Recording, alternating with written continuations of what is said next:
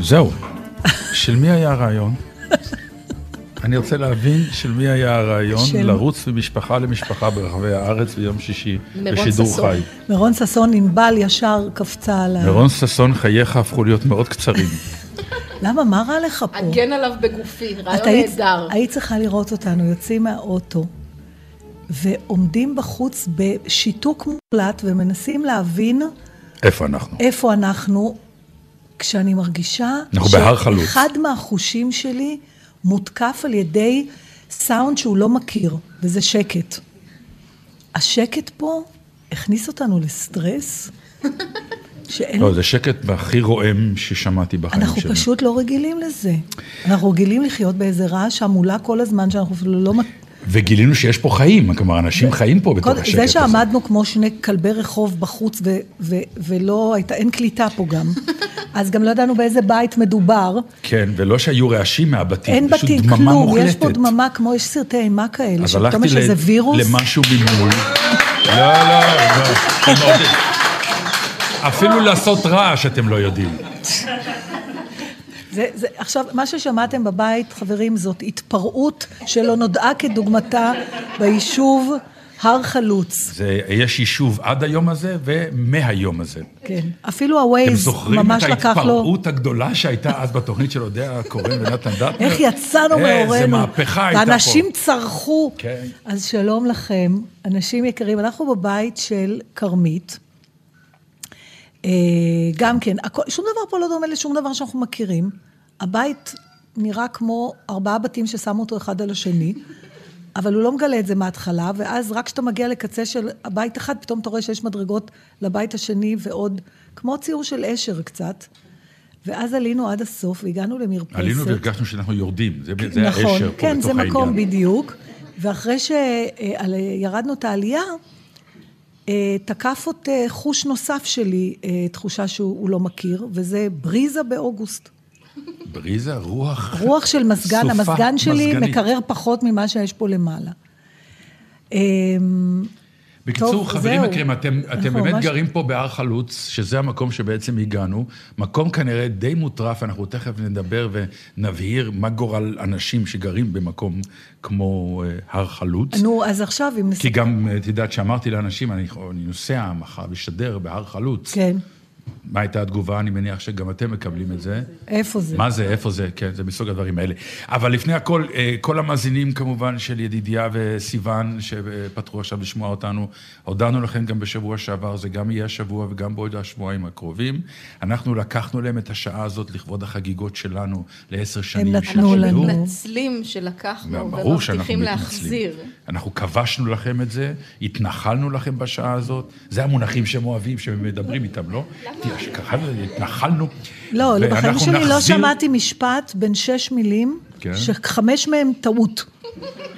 מבחינת ה- אז אני, אני, הטקט. אמשיך, אני אמשיך לטעות, ובעוד שבועיים, שלושה, אנחנו נחזיר לכם את השטחים ואת ההתנחלות, ותקבלו חזרה את השעה, וניתן לכם גם את השעה שלנו, סיון וידידיה. אבל תודה רבה לכם. ובזכותכם הגענו ל... באמת... אה, מה, יש לנו עוד הודעות? כל מיני... יש לנו לא קרדיטים, חייבים אבל, כרגע. אה, זה יכול להיות גם בסוף השעה. בסוף השעה? אני. יודעת מה יהיה בסוף השעה, לך תדע אם... אה, אחת הסיבות, דרך אגב, הסיבה העיקרית שנבחר הבית של כרמית...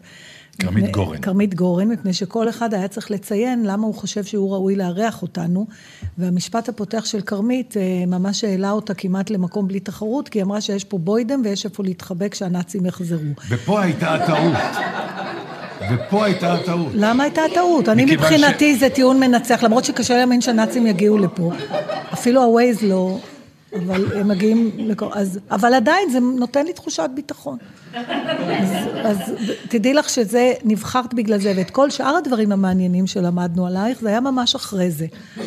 אז אני רק אתן טיזרים קטנים על כרמית. כרמית גורן היא, אה, דרך אגב, היא לימדה אותנו שאין דבר כזה אם חד-הורית, כי היא אומרת לי יש הורים. אבל היא רווקה פלוס ילדים, והילדים של, אה, תחזרי של על אה, ההגדרה כרמית, הזאת, כי אני אה, לא שמעתי את זה אף פעם. נכון, וכך היא. סליחה, ומה מה עד עכשיו לא? אבל מול משרד הפנים, זה גם כן? רווקה, כן, רווקה פלוס ילדים, ויש לה שני בנים מקסימים, יותם וקיט, שלכל אחד מהם יש את הסיפור שלו, ואם הם יבחרו בזה, הם יוכלו לספר לנו אותו בהמשך, זה תלוי בהם. אה, ואנחנו באמת נמצאים במקום כמו הר חלוץ. נתון נוסף שנדבר עליו זה שכרמיאל... צפונית לכרמיאל, רק שתדעו איפה זה פשוט. לא, כי כרמיאל זה... לא, לא, כרמיאל זה בכל זאת, הרכבת מגיעה כבר... אפשר בארץ עיר לכתוב את זה בכף. אני אומרת, זה מבחינתי, זה הקריטריון להגדיר אה, מקומות. אה, כרמית וילדיה חזרו לפני שבוע מטיול קרוון באוסטרליה של תשעה חודשים. שזה בכלל הורס אותי. אני, כשחזרתי מ... עזבי הטיול. לא, לא, עזבי. עכשיו השידור... לא על הקרוון, לא. כשאני חוזרת משבוע נסיעה, לוקח לי חודשיים להתאושש עד שאני בכלל מתחילה להתארגן, ואת כבר מאוסטרליה כתבת שאת מעוניינת לארח אותנו, ועכשיו אתם, מה שנקרא, אתם עוד על המזוודות, וזה נראה אצלך ממש לא... את לא מתרגשת מזה. לא, זה כאילו מה, את לא, את לא, את לא מוטרדת מפרוצדורות? זה נתן לי סיבה לסדר את הבית, אחרת הייתי סתם אורחת. אה, ככה זה, זה כשזה מסודר. את קיבלת מיקרופון, כדאי שתדברי אליו. אולי אני יכולה להגיע אליו. או, יפה. זה הבית, ככה הוא נראה גם בחיים הרגילים? לא, בחיים הרגילים הוא מבולגן, הרבה יותר. כי הילדים משחקים פה בסלון, ואי אפשר לדרוך בין הלגו לפליימוביל שעדיין אה, באריזות. כן, בית מוזר, אני חייב להודות. אחר, בוא נתפשר על אחר. אוקיי, אוקיי, בסדר. אמ, מה להתחיל לשאול? לא, אני, קודם כל אני, אני, אני חייב לדעת אה, דבר ראשון. סדר יום של מקום כמו הר חלוץ, מישהו מוכן לספר לי? אני אגיד לכם למה אני שואל. אני שואל מכיוון שאנחנו נמצאים במקום שהוא אה, סוג של בעצם מקום שנבנה על ידי אה, נוער העובד והלומד עם חבורה אמריקאית. מה זה המקום הזה? איך? התנועה הרפורמית, רגע, כרמל איפה? התנועה הרפורמית? כן. דברי איתנו, מה, מה זה נקרא התנועה הרפורמית? לא יודעת מה קרה לאבא שלי, שהוא הקים את היישוב, הוא היה צריך להיות פה עכשיו, okay. קוראים לו אוקיי. חיים שרת. והוא הוא היה קיבוצניק. בן של? הבן של משה שרת. בן של משה שרת. למה הוא לא פה? לא יודעת, אני חושבת הכל לאט פה. אני לא יודעת, לא הצלחתי לתפוס אותו בטלפון. איך תמצאי? אין פה קליטה, איך תמצאי? הוא היה קיבוצניק שהחליט לעשות משהו חשוב. אוקיי. אה, ורצה להקים מצפה בגליל, הוא ניגש לרענן וייץ שהיה אחראי על התוכנית של המצפים, ביקש ממנו איזושהי נקודה שהיא עדיין פנויה, הוא אמר לו, אתה יודע, יש איזה ג'אבל שאין אליו דרך, אז אף אחד לא רצה אותו. אני אומרת עכשיו מה שאני זוכרת, אולי הוא יתקן אותי בעתיד. אה, אז הוא אמר, תשמור לי את זה, אני יוצא לשליחות, אני אביא לך אנשים. תשמור ואני... לי את זה, הוא אמר. ככה בנו את המדינה, תשמור לי את ההר הזה, כן. אני אביא אנשים ואני אכפת לך לשים עין על ההר הזה, אני כבר חוזר. ואז אה, הוא יצא לשליחות של שלוש שנים, במשהו שילוב של התנועה הקיבוצית עם התנועה הרפורמית, ועבר בין אה, מרכזים בארצות הברית של אנשים שכבר רצו, בקונסוליות של אנשים שכבר רצו לעלות, והציע להם את התוכנית הזאת של הר חלוץ. אז מי עלה בעצם? הוא הביא לפה... מיהדות אמריקה? הוא הביא לפה, כן, אה, אנשים שקשורים לתנועה הרפורמית, אה, רובם היו אה, זוגות מעורבים של בנים של יורדים עם אנשים ציונים אמריקאים, או כל מיני שילובים של אנשים, חלקם היו ישראלים וחלקם לא... ומה הרכב היום של האנשים? זה המשפחות שלהם או שעזבו? אז הגרעין, הגרעינים הראשונים, אה, יש עוד כמה, אבל הרבה עזבו. אז מי בא? באו אה, זוגות ישראלים, משפחות ישראליות. עכשיו אה, לא כולם קשורים לתנועה הרפורמית. יש לנו פה בית כנסת, אבל הרבה לא הולכים אליו. נדרשת מידה של הרפתקנות בשביל לבוא לגור פה? במידה מסוימת כן. אני יודעת, אנחנו בחרנו את היישוב בגלל שהוא מבודד. מצד אחד, שיש בו הרבה חורש, ומצד שני הוא לא כזה מבודד. הוא מאוד מבודד, אין קליטה, אין כלום, הוא מאוד מאוד מבודד. כן, אנחנו פשוט לא רגילים להיות במקום שאין קליטה, אתה חובט, חבטנו בחוץ בטלפונים, אתה לא מאמין למשמע עיניך. כן, משמע... אמ, הייתה חלוציות מאוד גדולה בהתחלה, הם גרו עם גנרטור, הם גרו... ברור. אני רוצה רגע לשאול אותך על החלוציות הזאת, בסדר? כי מה שאת מתארת ממה שהחזון של אבא, אני תמיד שואלת את עצמי, הוא, הוא עשה את זה כי באמת הוא, הוא, הוא חשב שיש מקום ל, ל, להקים יישוב כזה מתוך אה, אידיאולוגיה שצריך כזה מקום, או בגלל שהיה לו משעמם והוא רצה משהו הרפתקני, או שאולי זה שילוב של שניהם. גם וגם. אבא שלי טיפוס של יזם, הוא יזם כל מיני דברים בחיים שלו, והגיע הרגע שהוא רצה לעשות משהו חשוב, יש לו משפחה, ברוך השם, שעשתה דברים חשובים. הוא גם רצה. מה חשוב בזה לדעתך? בעצם מה היה קורה, אני אשאל אותך שאלה מצחיקה, אבל מה היה נגרם ממדינת ישראל אם לא היה את המקום הזה? חוץ מההנאה שלכם לגור בו. מה שהיה נגרם להם לא היו יישובים יהודיים. זה אה, הוא הייתה רצה תוכנית כי- של ייעוד הבנתי, הגליל, אוקיי. אה, בתוכנית של המצפים. וזה זה משהו נחשב ציוני. למצפה עדיין? לא ראית כן. שצפית למעלה? לא, אני מתכוון מבחינת ההגדרה. המקום הזה... מה? נראה לך, שזה כרך? זה לא, יישוב אבל- קהילתי, אבל קהילתי. הוא- הוא עלה במסגרת תוכנית המצפים. של המצפים. של ייהוד הגליל. אז אוקיי. יש פה גם תיירות, אנשים באים לפה לכל מיני אה, צימרים וכולי, או שלא? כן, יש פה צימר, יש יש צימרים? פה בקתות סקנדינביות. מה יש פה? בקתות סקנדינביות. אה, בקתות. הכפר הסקנדינבי, סק- טבע בהר. שזה אומר שאין כלום בבקתה, נכון? כי הם נורא סגפניים, אז אני פעם שילמתי הון על איזה בקתה פינית, לא היה שם כלום. כי הם אמרו, אמרתי, למה זה כל כך. יקר? אמרו, כי זה פיני. הפינים מאוד צנועים. אבל הייתה סאונה, נכון? הייתה סאונה. באמצע הקיץ, כן. כן. לא, יש שם ג'קוזים על המרפסת, ויש חורש מסביב, וזה זה כיף גדול. אוקיי, אז עכשיו כשאתה חי פה ואתה לא בא לבקר, אז... אה, זה לי ממש שאלה של אה, קולוניאליסטית שהגיעה לילדים, אני- אני באמת. מתנצלת, אבל אתם חיים אחרת ממני מבחינת אה, הסדר יום שלכם? או שגם לכם יש סידורים ועניינים וצריך לקום בבוקר ולהגיע לפה ואז לחזור משם? אה, אולי מישהו אחר רוצה לענות. מישהו אה, רוצה? כן, נשתף. הילדים יכולים גם שותפים. לדבר, אבל אין להם למה לא להשוות. את.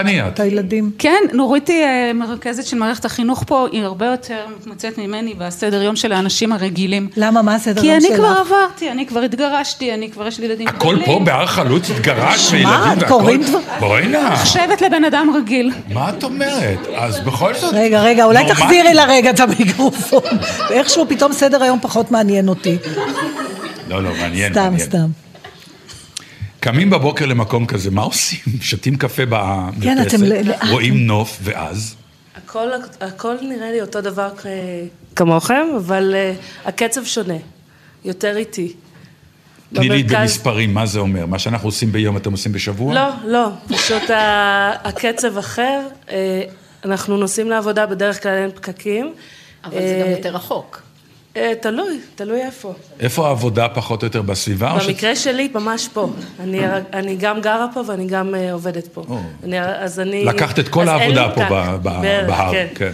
כן. אבל אתם עובדים פה בסביבה, או שיש כאלה- חלק מכם שצריכים לנסוע לתל אביב? יש כאלה ש, שפה בסביבה, ויש גם כאלה שנוסעים לחיפה, וגם אה, גם מהמרכז.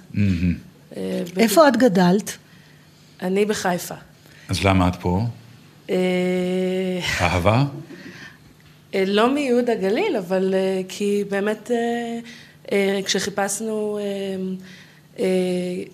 בית, אז אה, התאהבנו במקום, גם ב, בעובדה ששומרים פה על הירוק ועל החורש, וגם בגלל האנשים. העיקר בגלל, בגלל האנשים. לאן אתם, איפה אתם נופשים? סליחה, זה כאילו...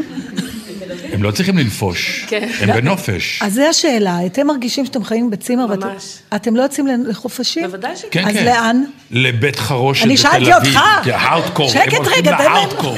תן להם הם רוצים לענות. רעש וזה, זה הכל הפוך עובד. זה נכון? זה הכל הפוך, נכון. כשאנחנו. נוסעים, כשאנחנו נוסעים למרכז לראות את המשפחה, אז כל הפקקים, אנחנו רואים את כל הפקקים אה, צפונה. את קמה בבוקר ואת רוצה נעליים מאוד מיוחדות לילד, או משהו בשבילך מיוחד, את צריכה לעשות עבודה עכשיו, נכון? צריכה לקום ולנסוע, אה, זה זה קוראים יום. לזה בכרמיאל. תכנון. יום נעליים, אני הולכת בכרמיאל לקנות יש נעליים. הכל. יש גם את... אה, כרמיאל זאת עיר הבירה שלכם לצורך העניין, בדיוק. יש שם. גם את השירותים ה... וזה ממש קרוב. זה 12 דקות אה, נסיעה. אתם רואים תיאטרון למשל בכרמיאל? כן. נכון? נו, עכשיו ראיתם אותו? ראיתם אותו? הכל. נתקעתם בלי כסף מזומן. עכשיו ניסע לכרמיאל להוציא כסף? למה צריך כסף מזומן פה אבל? מה את קונה פה? מה? אין מה אין מה. לקנות פה. לא. איפה אתם קונים מצרכים? מכולת? 12 דקות נסיעה לכרמיאל. אז זאת אומרת שצריך לתכנן. האם אני צודקת שאני אומרת שהחיים קצת צריכים להיות יותר מתוכננים? צריך שיהיה יותר... נכון, אה, ממה פחות שאנחנו. ספונטניים. אבל גם אנחנו גדלנו ככה, זה סתם בשנים האחרונות נהיה שבתל אביב פתוח 24 שעות. ואני עוד זוכרת עצמי גרה בתל אביב לפני 30 שנים בשכירות, וביום שישי כולנו היינו רצים מהר לקנות, אני לא זוכרת, את העיתון וזה, כי היא עוד מעט תיסגר. כן, אבל אז הר חלוץ בכלל היה בלי כלום, זה לא, הכל בהשוואה. הם אותו דבר. עכשיו, הילדים, מה קורה איתם פה? אני לא יודע אם בטוח הם יכולים לענות לי, אבל קודם כל תעני לי את, מבחינתך, שאת אה, גם במערכת החינוך כאן, נכון? כן.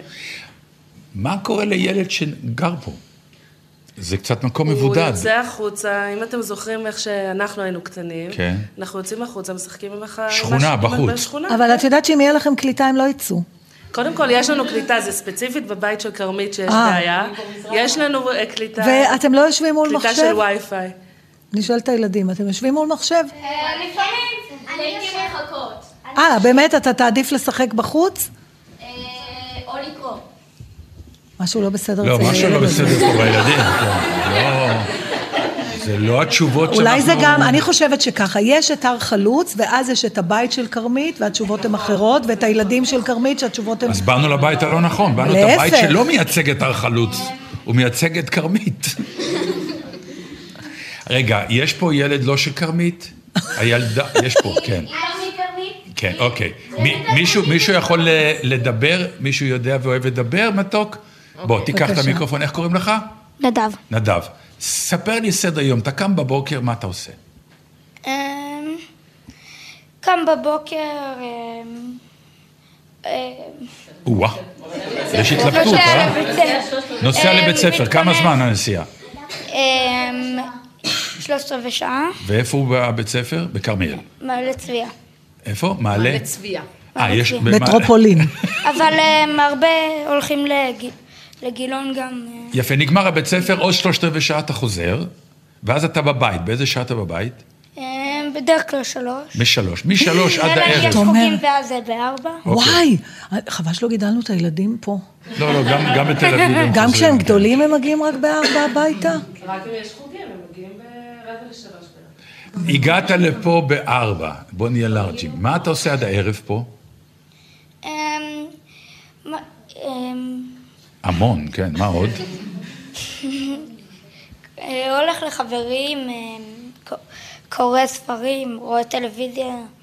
אמ, מנסה לתפוס זמן שה- שאחרים לא על המחשב ולהיות על המחשבים בכלל. אני מצליח. כמה אחים יש לך? אתם חמישה ילדים?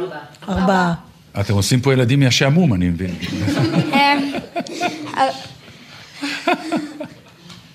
יפה, ואז מגיע הערב, ואוכלים ארוחת ערב, והולכים לישון, וזהו? אה, נרדמים מהר בשקט הזה, נכון? אה, לא, אני לא הכי נרדמה, אגב, אה, הסדר ערב שלי זה קורה כמה שאתה... מה אתה אומר? פה אנשים קוראים. אני קורא כמה שאני יכול עד שאימא שלי... עד שאתה נרדם. לא, ש- עד שאימא שלי אומרת, זהו, למיטה. יש מדהים. אימא שאומרת לילד להפסיק לקרוא? אז היא- אז בדיוק מה שרציתי... משת- מה, אני לא... מה זה, אני יכול לקרוא, לא לישון כל הלילה אם ייתנו לי. מה אתה אומר? מה אתה הוא, קורא? אה, זה אף פעם לא קרה לי. מה אתה קורא? אה, לא מזמן סיימתי את הארי פוטר, אז עכשיו אני ביומנו של חנון. אה, ביומנו של חנון. זה אפילו אצלי זה- קראו. כן. אני כן רוצה לספר לכם שאני מאוד מזדהה איתך, אפילו שיש כמה שנים שמפרידות בינינו, מפני שכשאני הייתי ילדה, אני גם מאוד מאוד אהבתי לקרוא. אה, אני מצטערת להגיד שעד גיל תשע אפילו לא הייתה טלוויזיה, אבל אתה תכף תשאל אותי אם היו דינוזאורים בחצר, אז אני מעדיפה לא לציין את זה. אבל אה, הייתי הולכת לספרייה ומחליפה ספרים, והיה מותר אה, רק ספר אחד ביום, תאמינו או לא, אי אפשר היה להחליף פעמיים. אני כבר הייתי גומרת את הספר בדרך הביתה, ואז הייתי כבר מחכה שיגיע מחר, שאני אוכל ללכת לספרייה ולקחת עוד ספר. אז לא כל כך קנו ספרים, כי זה היה מצרך יקר.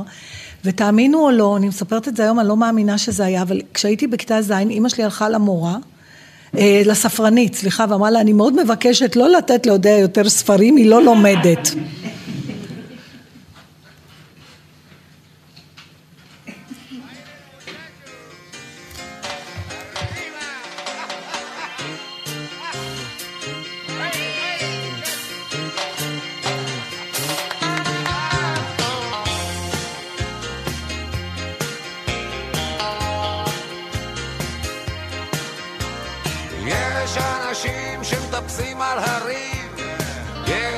אנשים שצונחים מגבהים, יש אנשים שרוכבים על סוסים, ויש כאלה שגומעים מרחקים,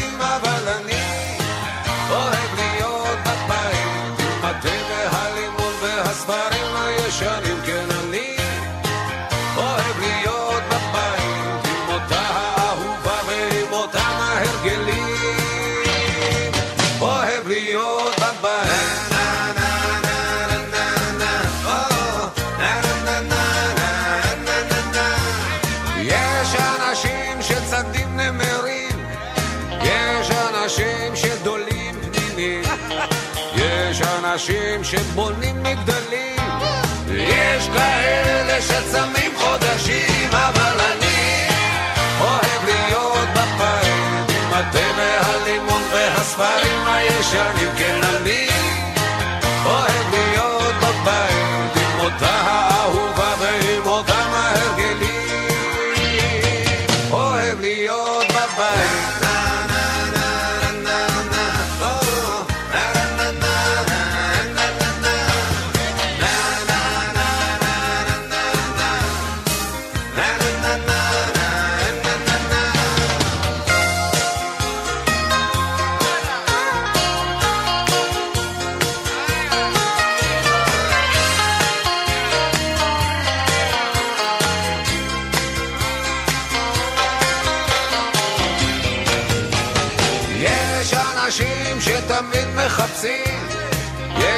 אנשים שתמיד מגלים, יש אנשים שהולכים בגדול, לא מוותרים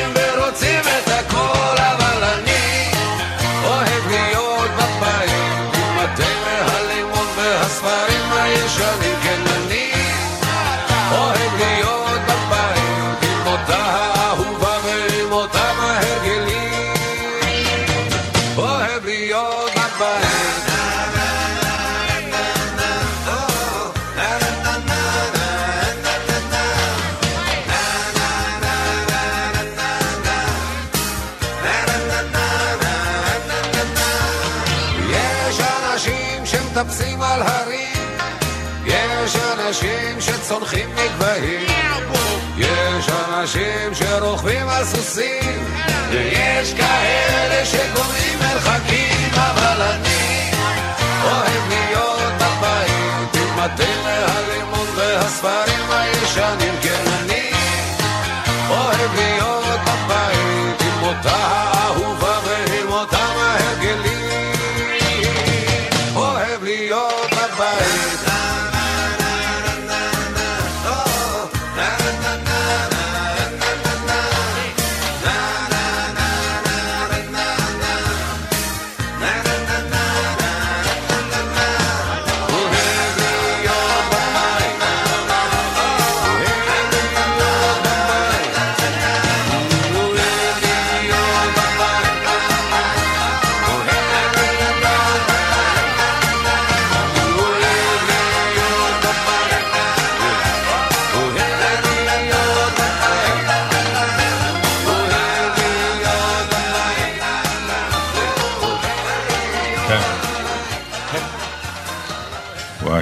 כמה רעש השיר הזה עושה פה. אני רוצה לשאול אותך משהו, נתן. אה, כמובן שאתם אה, מוזמנים גם כן אה, להביע דעתכם. אני לפני שבועיים קנינו שתי ספריות חדשות, כי הבית התמלא ספרים, אפרופו מה שדיברתם על ספרים, שהיו כבר מונחים אחד על השני וזה, ואין מקום. אז קנינו עוד איזה, והתחלתי לסדר את הספרים. עכשיו, אתה מתחיל לסדר את הספרים, ואז אתה מגלה, זה כמו שכבות אה, ארכיאולוגיות. אלא אם כן אצלכם זה כבר מסודר, אבל ספרים שמתחת לספרים, פתאום מצאתי מחזות מבית צבי, כל מיני דברים שכבר לא זכרתי שהם שם. ואז אתה מגיע תמיד לשאלה, אה, אם לא נגעתי בזה כל כך הרבה שנים, אולי לא אולי. נזרוק את זה. כן, נו. ואז גיליתי שיש ספרים שאני לא יכולה לזרוק. ו- וחשבתי על זה אחר כך, שהספר, הספר בעיניי הלוא זה משהו פונקציונלי, נכון? זה, זה מין דבר כזה שמאפשר לך, הוא נותן לך סיפור במתנה. מרגע שצרכת אותו, למעשה אין לך צורך בו יותר. ובכל- תלוי בסוג הספר, או, נו. אז עכשיו, מתי ספר הופך לחפץ בעצם? איזה קריטריונים אתה נותן לספר שהוא הופך מספר לחפץ שאתה קשה לך להיפרד אה, ממנו? זה כל אחד והעניין האישי שלו. יש אנשים שאומרים, אין, יש את הספר הזה שאני פעם בשנה חייב לעבור עליו, לקרוא אותו, כמו סרט שאתה... זה כן, אבל היו שם- ואותו אתה משאיר, ויש ספרים שקראת בנסיעה במטוס, ואיכשהו זה הגיע הביתה, אתה אומר, אוקיי, נו. אני מדברת איתך על הספרים, למשל, ערימות של ספרי ילדות שלי, אני לא פתחתי אותם 30 שנה, אבל אני לא יכולה לזרוק אותם. אז תעניקי אותם. תני אותם למישהו. גם לנכדים, זה נפלא. בדיוק, אני נכון? אומר, תעניקי אותם. אבל את מבינה שהפתרון להשאיר אותם לנכדים הוא בגלל שאני לא יכולה לזרוק אותם. זה לא בגלל שבאמת הנכדים שלי צריכים את הספר הזה. ואם כן אני רוצה, זה כמו השמחה הזאת שאני אתן לבת שלי, אני זוכרת את האושר שהיה לי כשהבת שלי קראה את נשים קטנות, בתרגום שאני קראתי. זאת אומרת, יש פה גם איזה מין אה, אלמנט כזה שאתה משמר את הילדות שלך דרך הילדים, אתה נדבק לילדים גם שישמרו לך עוד כמה מהרגעים. אה, היקרים האלה, אבל יש מלא ספרים. איזה ספר אה, לא הייתם זורקים? כרמית, זה הבית שלך, איפה את בכלל? אני נעלמת. העיקר אמרה תבואו ונעלמת, היא מתחילה לארח כמו אימא שלי, הכל בסדר. איזה ספר לא היית זורק? הארי פוטר. אתה לא זורק, גם אנחנו לא זרקנו, כל הארי פוטר נמצא. אבל אתה לא תזרוק אותו כי תקרא אותו עוד פעם? אני לא בטוח שאני אקרא הארי פוטר עוד פעם, אז למה לא ת- תיתן למה אותו? שלא... אני בטוחה. כי יש עוד שתי בנות אחריו. אבל אוקיי, אז זה שיקול פרקטי. אני, יכול להיות שאני אקרא ויכול להיות שלא. אח שלי יקרא בט- בטוח, אבל אה, הוא כבר יכול להסתדר עם ספרייה. תגידי, כרמית, אה, מה האירוע הכי גדול שהסלון הזה ראה? מבחינת מספר אנשים, לא, מבחינת חשיבות בחיים. אירוע שהיה אירוע. פה. חשיבות, כן, לא, לא, לא בבקשה, את. את. אה, או-אה. לא, כאילו היה ימי הולדת של הבנים, שזה חשוב לפני עצמו, כי זה מביא את המשפחה לפה, מה שלא קורה בדרך כלל. למה? למה לא רחוק. קורה? אה, את- בכל זאת זה... להם זה רחוק. איפה הם גרים? אה, יש לי אח ברמות מנשה, אח בנווה זיו, ואימא שלי בתל יצחק ליד נתניה. אז כשהם מזמינים, את גם אומרת להם, אתם רחוקים? אני מוציאה את הדרכון, נותנת אותו בנחל חדרה ומגיעה. אז יש מחיר למ- למקום הזה. אה, כן. טוב, אז בכל זאת, אירוע גדול חוץ מימי הולדת? משהו אה, שנחרט לך? יש משהו... בסלון הזה? כן, הסלון הזה... ויש משהו שהיה, גם אפרופו זה, יומיים אחרי שעברתי, עם כל הקרטונים ועם הכל, אה, היא הייתה פה עם שני תינוקות, חברים שלנו אה, עשו רילוקיישן לצרפת, מסיבת פרידה פה. אני הייתי בחודש מיני איתו, עם יותם, וכל הקרטונים והכל וזה, והם הגיעו, ועוד משפחה אחת עם תינוקת בת שלושה חודשים נשארה לישון. אתה מבין, יש בה משהו קליל כזה, שלא עושה עניין מ- מדברים. את מעריצה את זה, נכון? מה זה מעריצה? למה? זה שחרור. כי אני, יש עליי תיקים, אתה יודע, זה מין אה, כמו חשבונות כאלה, כמו כל הזמן לתכנן, להגיד, לא, אז זה כן יהיה נוח, אז זה לא יהיה נוח, היא פשוט עושה, אז לא נוח. כן, אני ראיתי למשל, כל החברות הביאו אוכל. היא אמרה להם, יש פה זה, תביאו אוכל. כן, נכון? היא כאילו מחלקת סמכויות. זה בסדר, זה לא, אני... היא לא אמרה תביאו, אנחנו שאלנו מה להביא. אבל כי- זהו, אבל פה נכנסת החוסר קונבנציונליות של כרמית, שהיא אמרה, כי אני ישר אומרת, לא צריך כלום, ואז מקללת את יומי, עומדת וטורחת ארבעה ימים, ומתחרטת על הרגע, אבל זה... יש בכ- לי בית לסדר עכשיו. אבל את בכלל, יש בך משהו אה, באמת אחר. אה, את תבחרי, מוזרה, אחרת, איך את רוצה, את נורא לא קונפורמיסטית. למה הקמת משפחה יל- ככה? ילדה, ילדת אמצע? למה הקמת משפחה בצורה כזאת ולא בצורה... כי אני חושבת שאני ממש לא טובה בזוגיות, אז לא הלכתי לכיוון הזה בכלל. מה פירוש? לא הלכת. אולי הלכת וזה לא, לא הלך? לא. או שמראש ויתרת? אה, באמת? תראה, לא מראש ויתרתי, לא מראש ויתרתי, אבל אה, אה, מה שהיה זה היה כאילו, מראש, אולי כי אני שמתי על זה את ה-X מההתחלה, אבל מראש כל זוגיות הייתה בר- ברור לי שהיא הולכת להסתיים וגם מתי. כאילו, עד שאני נוסעת, עד שאני ככה, עד ש... כאילו, תמיד היה להם תאריך תוקף. זה מדהים מה שהיא מתארת, כי היא אומרת שהדבר הזה שהוא כמעט אוטומטי בשביל רובנו, היא זיהתה נורא מהר שזה לא בשבילה. שזה משפט שאני לא יודעת כמה אנשים יכולים, בעיניי זה כמו שפגשתי אישה לאחרונה שאמרה לי, אני לא רוצה ילדים. וזה כמעט, במיוחד בארץ שלנו, כמעט בלתי ניתן לעיכול, כי אנחנו רגילים שכשאתה, אין, מישהו אין לו זוגיות, אז היא לא הצליחה, כמו שאתה שואל. את אומרת שאת מראש הבחנת שאולי את לא... אני לא שם, לא. לא שם בנושא זוגיות. וזה לא התחבר לך אוטומטית עם ילדים, אם ככה. כלומר, ידעת שאת עושה את ההפרדה? אה, בשלב מסוים, בהתחלה, כאילו, בגילי השנות ה-20-30 היה לי הרבה קוצים, כל הזמן זזתי וזזתי וזזתי, ורק כשהרגשתי שאני מסוגלת להישאר במקום אחד קבוע, יותר משנה, אז אה, כן, מה עם אה, אהבה?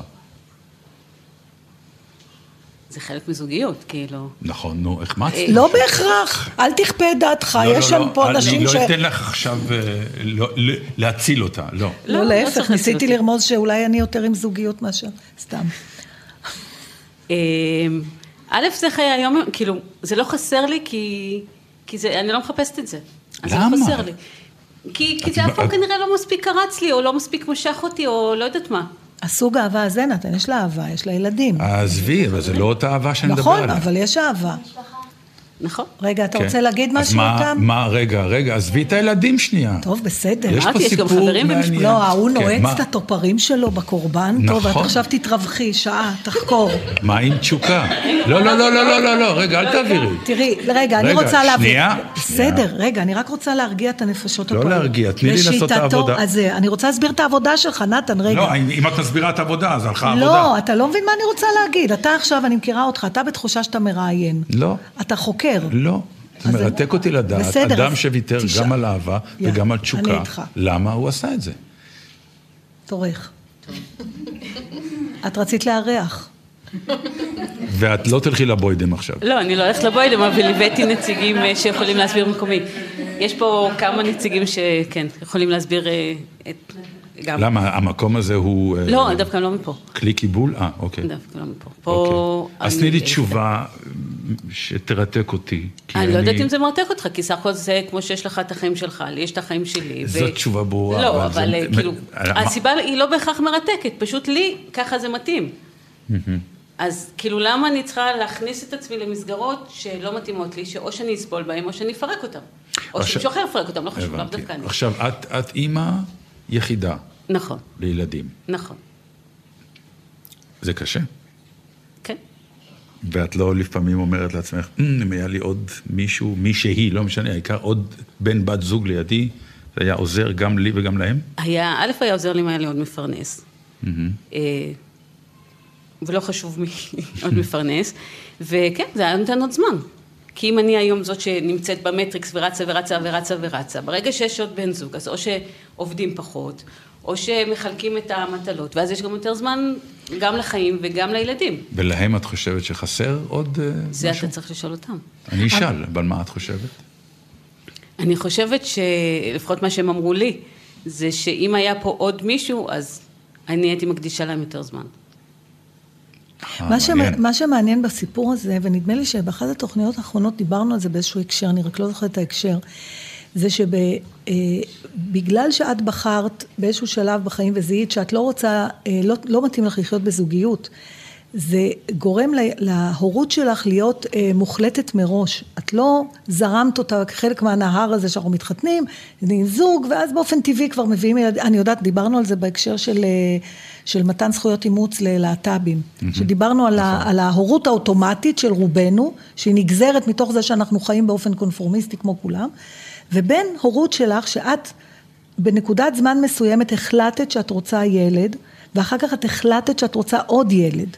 אז ידעת גם מראש מה זה, מה זה אומר, שאת תצטרכי להיות, או שלא ידעת. לא. את כמו הבית, כאילו ארגזים לא, ונסתדר. כאילו, את יודעת, אומרים לך מגיע ילד. יאללה, עוד ילד, כן. אה, כשאת ילדת את בתך הבכורה, ידעת מה זה אומר? גם לא. לא, אבל הייתה לי הרגשה לא טובה.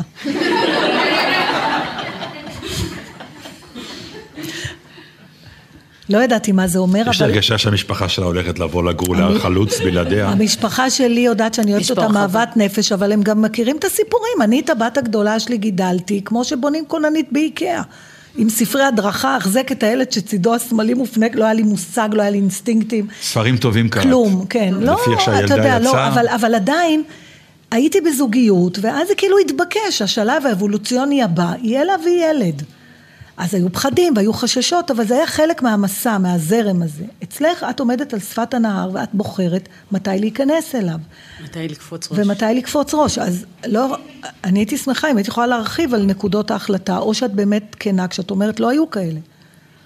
אבל אמ, כאילו מתי אני רוצה ילד? זה מבחינת זה נקודת... את הילד הראשון אני יכולה להבין. הילד הראשון היה כשהגעתי לשלב שבו נרגעו לי הקוצים והייתי מסוגלת כן. לשבת במקום אחד רצוף. כל עוד זזתי, אז היה ברור לי שזה לא יהיה. אה, והילד השני זה היה כי חשבתי ש... אה, סליחה, כן? שבין, ש, ש, שיש רק הורה אחד וילד אחד, צריך משהו שישבור באמצע. שהקשר יכול להיות לפעמים חזק מדי, וצריך משהו שישבור אותו. את צריכה, אה, זאת אומרת, רצית אופוזיציה בבית. אה, משהו כזה. למה ביקשת למה ממנה ביקשת ממנה סליחה? סליחה? כי היא אה, הורה יחיד לילד אחד. ואת לא רוצה עוד ילד? תני לה את המיקרופון. סליחה, תגידו לנו כשאנחנו עוברים את הגבול בתחקירים, כי אנחנו מתעניינים. בסדר, זה היו, היו ניסיונות, וזה לא... אה, אוקיי, אבל לא שהחלטת שמספיק. המכות חשמל עוד מעט באות, דרך אגב. אוקיי, וה... וגם את מסתדרת בסדר עם זה? עם מה? עם אה, חוסר זוגיות? אה, אני בשונה מכרמית כן רציתי ולא לא הסתדר, והחלטתי שבעקבות, האמת, בעקבות אה, חברה אחרת שאמרה לי, תשמעי, ילד, יש, יש דדליין, בן זוג יכול לבוא גם אחרי. נכון. יש לי אותו מספר חברות שהן אימהות אה, בלי אה, בני זוג לילדים, כמו אה, חברות שזה מאוד אה, רווח. אתה רוצה להגיד משהו, יותם? בבקשה. יותם זה הבן הבכור של אה, כרמית. כן. בקשר להאם אני רוצה עוד אח, האם, על ה- למה אמא עשתה עוד כן. אח, בגלל שאני חירפנתי לה. אתה רצית עוד אח? ואתה זוכר? והיום אתה מצטער על זה. תראה איזה אח מגניב, איך הוא יכול להצטער על זה? כן. ואתה זוכר למה רצית עוד אח? זה בגלל שלילדים אחרים היה עוד אח? אמ, לא ידעתי מה, אה, מה זה אומר עם התשומת לב, לא הבנתי את זה אז, וחשבתי שיהיה לי כאילו יותר עם מי לשחק. ומה הסתבר? שלא. אולי קיט, אתה רוצה להגיד משהו גם? להגן על עצמך? זה קיט, הבן, בן הצעיר של כרמית. מה ההבדל ביניהם, כרמית? שנתיים וחודשיים, וכבר בגיל שנתיים רצ... בלבלת את המוח שאתה רוצה אח? כן. הילד? אוקיי. אני רציתי, הגעתי לבית הזה להר חלוץ בגיל שש, ועברתי כמה וכמה בתים. אה, באמת? כן. אה, ואני כאילו נדדתי מבית לבית, למה נדדת? כי כל, אה, הייתי אה, אצל הורים שקוראים להם סמדר ואנדרו, או גם אנדרו וסמדר, אוקיי.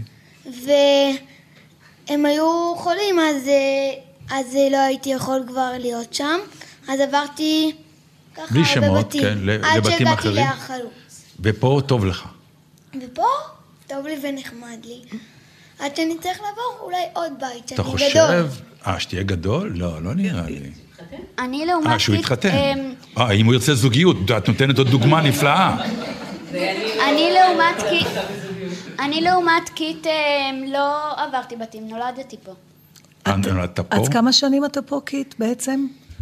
אה, אתה ילד מאומץ, נכון? ואתה כן. כמה שנים? וכמה...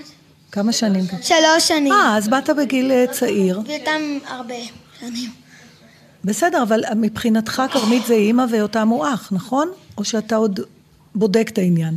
אני עוד לפעמים בודק את העניין, ואיך אני בודק את העניין? בזה שאני רב עם יותם, וככה אני בודק שאמא אולי תגיד שאני צריך לעזוב מהבית, ככה אני בודק. אה, וואו, זו בדיקה קשה.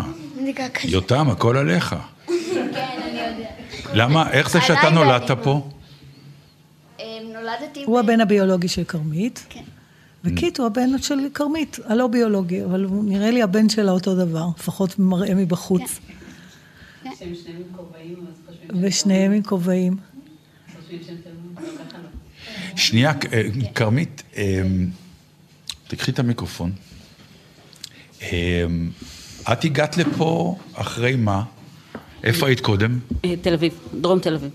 היית, את נולדת בתל אביב? לא, אני נולדתי בפתח תקווה, ו... גוש דן בקיצור, מה שנקרא... גוש דן, היה לנו, כאילו כשהייתי אה, ב- ביסודי, אז עברתי קרוב לאיפה שתהיו שבוע הבא באריאל, אה, ובעצם, אלקנה. כשגדלתי עברתי ל... כן, אלקנה זה בדרך לאריאל, אה, ואחר כך, אה, כשהייתי בצבא, כבר עבר, חזרתי למרכז. ואחר ו- כך כבר גרתי בתל אביב, מה- הייתה לי דירה בתל אביב. מה יש לך, תגידי לי? מה חסר לך שאת קופצת כל פעם, מתחילה דברים חדשים? לא, גרתי כי ההורים שלי גרו. לא, לא. בסדר, אבל את מחפשת, את בן אדם מחפש, למרות שאולי עכשיו כבר מצאת, אבל גם עכשיו ההרפתקה הזאת באוסטרליה פתאום, תשעה חודשים, זה לא מובן מאליו. עם מי היית תשעה חודשים? עם שני הילדים? עם שניהם. את ושניהם תשעה חודשים בקרוון באוסטרליה. נו, פלא שאת לא מוצאת בן זוג. ההפך, רק בשביל די, זה. רק, בשביל זה, בתור, ואל תצעק, בתור מי שכן זכתה לעשות טיול קרוון, קודם כל, רק הוא נהג. היה, איזה ניסיון שנתנו אנחנו לי... רוצים לשמוע על רגע, הסיפור רגע, של שנייה, אני הקרוון רוצה אבל... שלהם.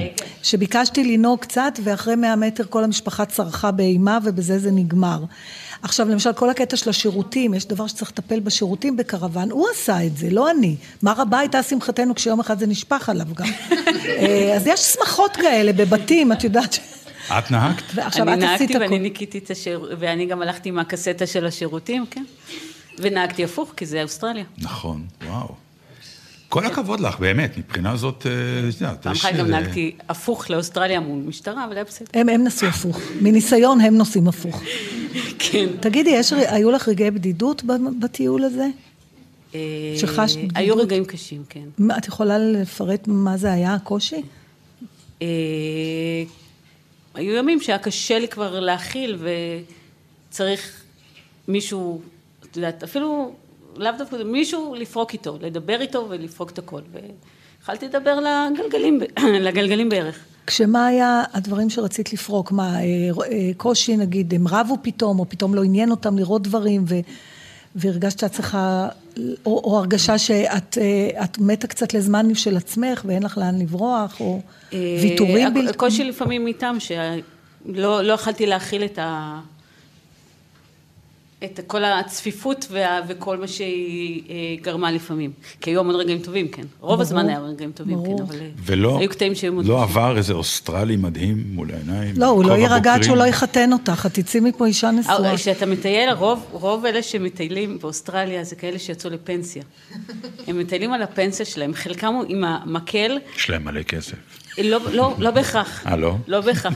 חלק מהם מכרו את הבית וקנו קרוון שעלה אה. בערך כמו הבית, והם נוסעים באוסטרליה לחפש מקום שיהיה להם נוח ונעים לגור בו. וחלק מטיילים, כאילו, מטיילים. עכשיו, יש גם משפחות מטיילות, כי נוח למשפחות לטייל באוסטרליה, אבל בגדול אנחנו, אני, כשאני לא צעירה, הורדתי את מוצ- ממוצע הגילאים. עכשיו, תשעה חודשים זה אומר שהילדים לא היו בבית ספר. נכון. מה, איך זה נפתר? אה, לקחנו ספרי חשבון, ואת זה ניסינו ללמוד, כי היה קשה, כן, אפשר. הם עכשיו אנחנו אה, בחופש. משלימים. וחוץ מזה, הם למדו הרבה גיאוגרפיה וטבע ו... מה אמרו בבית ואנתרופולוגיה. ספר על זה? בבית ספר מאוד אה, תמכו? בטח, לגמרי. כן. כשיש 40 ילדים בכיתה. אז הבירוקרט- נורא שמחים על זה. הבירוקרט- הבירוקרטיה, שניים עפים, לא. אלף, אה, אצל יותם יש בסך הכל עכשיו שנה ב-25, זה לא כזה הרבה. אבל הבירוקרטיה פחות מעודדת, אבל מבחינת הבית ספר והמורים, היה ממש תמיכה מלאה. זה מדהים אותי השאלות האלה, כי אני זוכרת, כשנסענו, זה, היו שתי שאלות ששאלו אותנו, או, כמעט כל האנשים, הם חזרו בשכיחות הכי גבוהה. אחד היה, איך תסתדרו ביניכם, שזו שאלה שבכלל אני לא מבינה, כי זו המשפחה שלי, זה לא שאני עושה... אוי, לא נכון שאת לא מבינה. אני לא מבינה לא- אותה. נתן, אני, לו. נתווכח על זה אלף שנה, אני לא מבינה אותה. אני לא מבינה אותה. מה זה איך תסתדרו? זה לא זה חיזבאללה. להיכנס, לא, אבל עדיין זה להיכנס כמה אנשים עם רצונות אישיים אבל זה וכולי. המשפחה, סליחה, מה ההגדרה של אז מה? משפחה? לא מתכנסים אנשים עם רצונות? לא אומרים שאתם לא תסתדרו, שאלו רק איך. זו שאלה שהיא לא מובנת לי, זה כמו לשאול אותי איך תנשמו. יש מקומות שיותר קשה לנשום בהם, ויש מקומות שיותר קל, אבל השאלה, איך תנשמו, נעשה, זה ייכנס אוויר. אז אותו דבר, זה אני המשפחה. בטוח שמקשיבים לנו אנשים שיודעים שהם עם המשפחה משפט- שלהם לקרוון לתשעה חודשים זה באוסטרליה, לא ייכנסו. זה לא בגלל המשפחה, זה בגללם.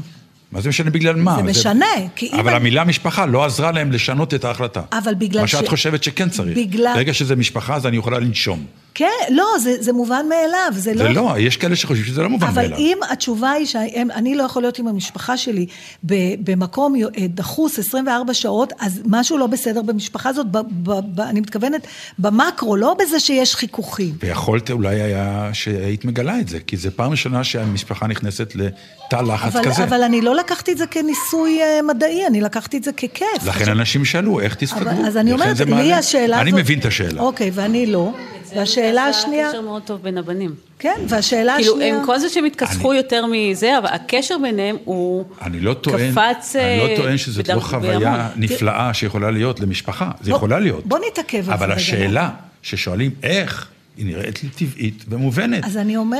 כמה פעמים היו אה, כשהיה מלחמה וכל מיני כאלה, ופתאום אנשים, תא- תאים משפחתיים מצאו את עצמם, שהאבא, האמא, הילדים, כולם באותו חדר, כי אף אחד לא הולך לא לעבודה ולא ללימודים, ומשפחות התפרקו מזה. אבל בעיניי השאלה איך תסתדרו מעידה, עצם השאלה כן. מעידה על שבר כבר שקיים ב, בתוך המבנה של המשפחה. זה לא שבר, זה משהו אנושי לחלוטין. לא, אני לא, אני לא אומרת ש... להסתדר עם אנשים זה דבר... נתן, אבל זה לא אנשים, זה המשפחה שלך. לכן אני אומר שאת טוענת שמבחינתי, האנשים שאיתי בקרוון, אני אסתדר איתם מה שלא יהיה, ברור, כי הם המשפחה נכון. שלי. יש אנשים שטוענים אחרת. אז אני אומרת שאצל האנשים האלה יש סדק מובנה שעטוף במלא דברים, אבל הוא ישנו שם. ברור שיכול היה, שהיינו מגלים זה קצת שגם מתנשא, אצלנו אני היה... מודה, מה שאת אומרת. בעיניי זה לא מתנשא.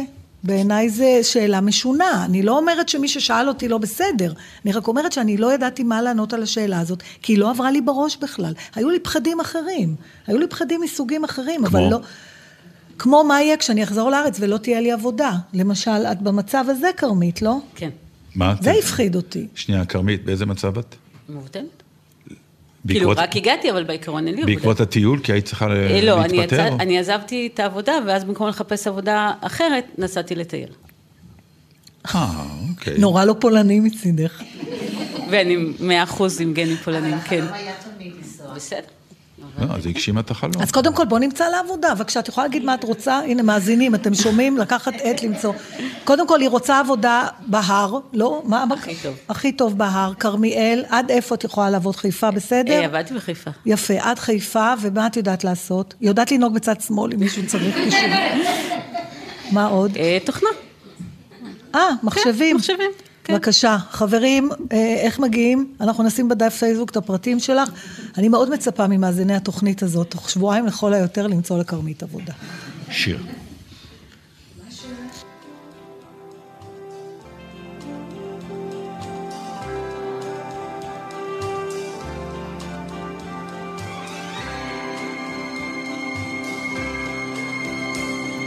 Born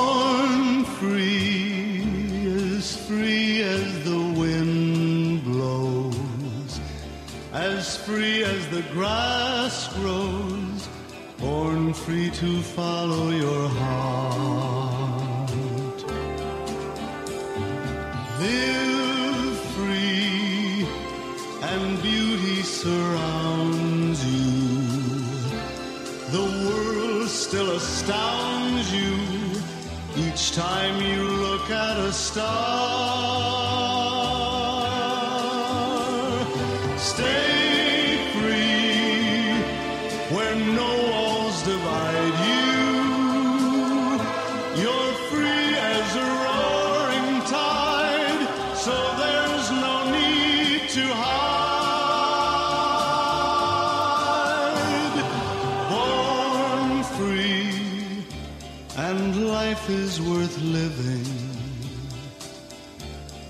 But only worth living cause you're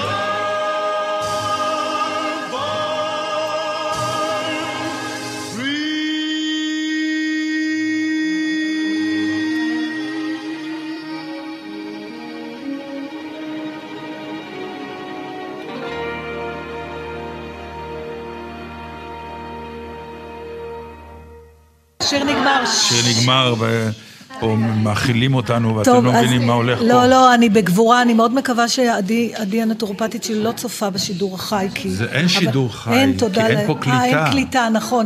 רגע, ענבל, מה את רצית שאני אספר?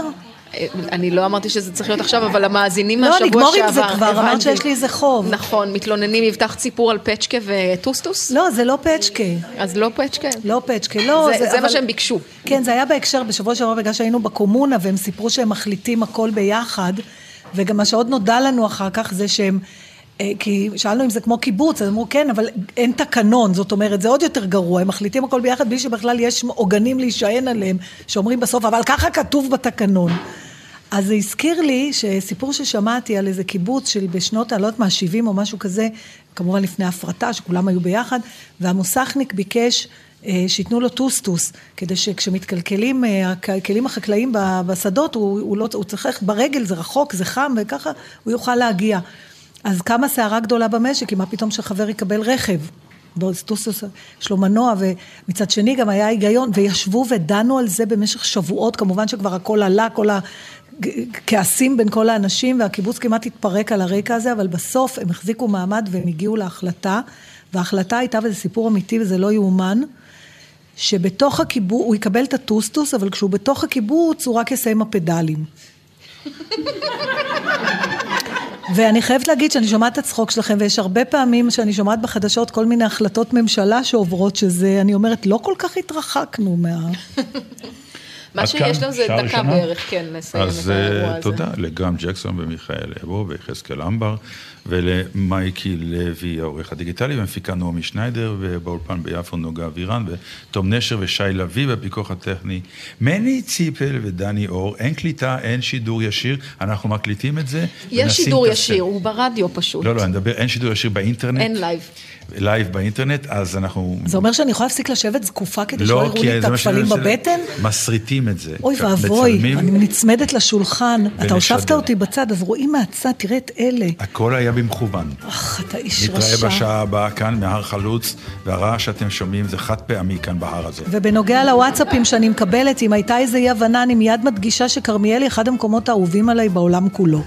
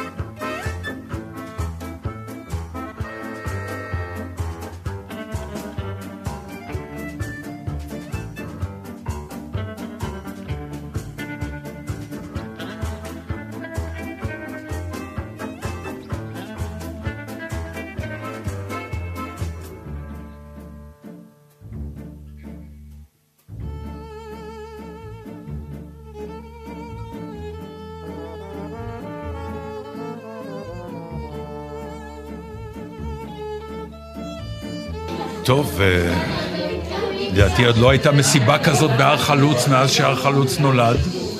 כי אנחנו פה, אתם שומעים, אנחנו פה במסיבה גדולה, אנשים אוכלים, שותים, עושים רעש בהר חלוץ.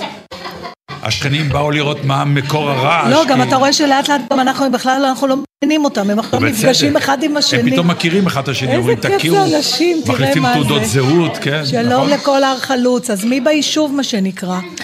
מי נשאר לשמור על היישוב, מי כן? נשאר? יואו, אתה יודע, אני מוכרחה להגיד לך משהו, כשחשבנו על התוכנית הזאת, כן. אז לא ישבנו ודיברנו עם ענבל, ואמרנו, מה נעשה, איך זה? אז היא אמרה, קצת נדבר עם המארחים, אבל בעיקרון זו תוכנית רגילה, ואתם תדברו ביניכם, כמו שאתם מדברים תמיד. עכשיו, עכשיו זה נראה לי כזאת מחשבה מפגרת, איך בכלל חשבנו שנוכל לשבת? הלוא כל הסיטואציה, בכלל להגיע לבית של משהו, מישהו אחר, אני לא, לא דיברנו על זה בכלל. אני לא אשם, זה אתם החלטתם, אני אני רק לא, באתי. אבל מה, אתה, זה מעורר בך אי נוחות? אה, קצת? אני כל כך אוהבת את זה, אני הכי רוצה לחטט להם במגירות, אתה לא יודע איך אני... כן, לא. הכל מעניין אותי. אני רוצה לראות את האלבומים. אלבומים, כן. אלבומים אני רוצה לראות, זה אבל, נכון. אבל זה נכון שאנחנו קצת מאבדים את היתרון שלנו, כי אתה יודע, באולפן בגלי צה"ל אנחנו בעלי הבית. עכשיו אנחנו יוצאים לגמרי מאזור הנוחות שלנו. אה, אנחנו מביאים איתנו איזה רצון להישמע אותו דבר כמו באולפן, אבל אני מוותרת על זה כבר, ברור לי שזה ממש בלתי אפשרי. עכשיו, הגיע אלינו ואנחנו- לכאן אה, כן, אה, אורח, ש... נשוא תיתנו פנים. לו- תיתנו לו מיקרופון, בבקשה.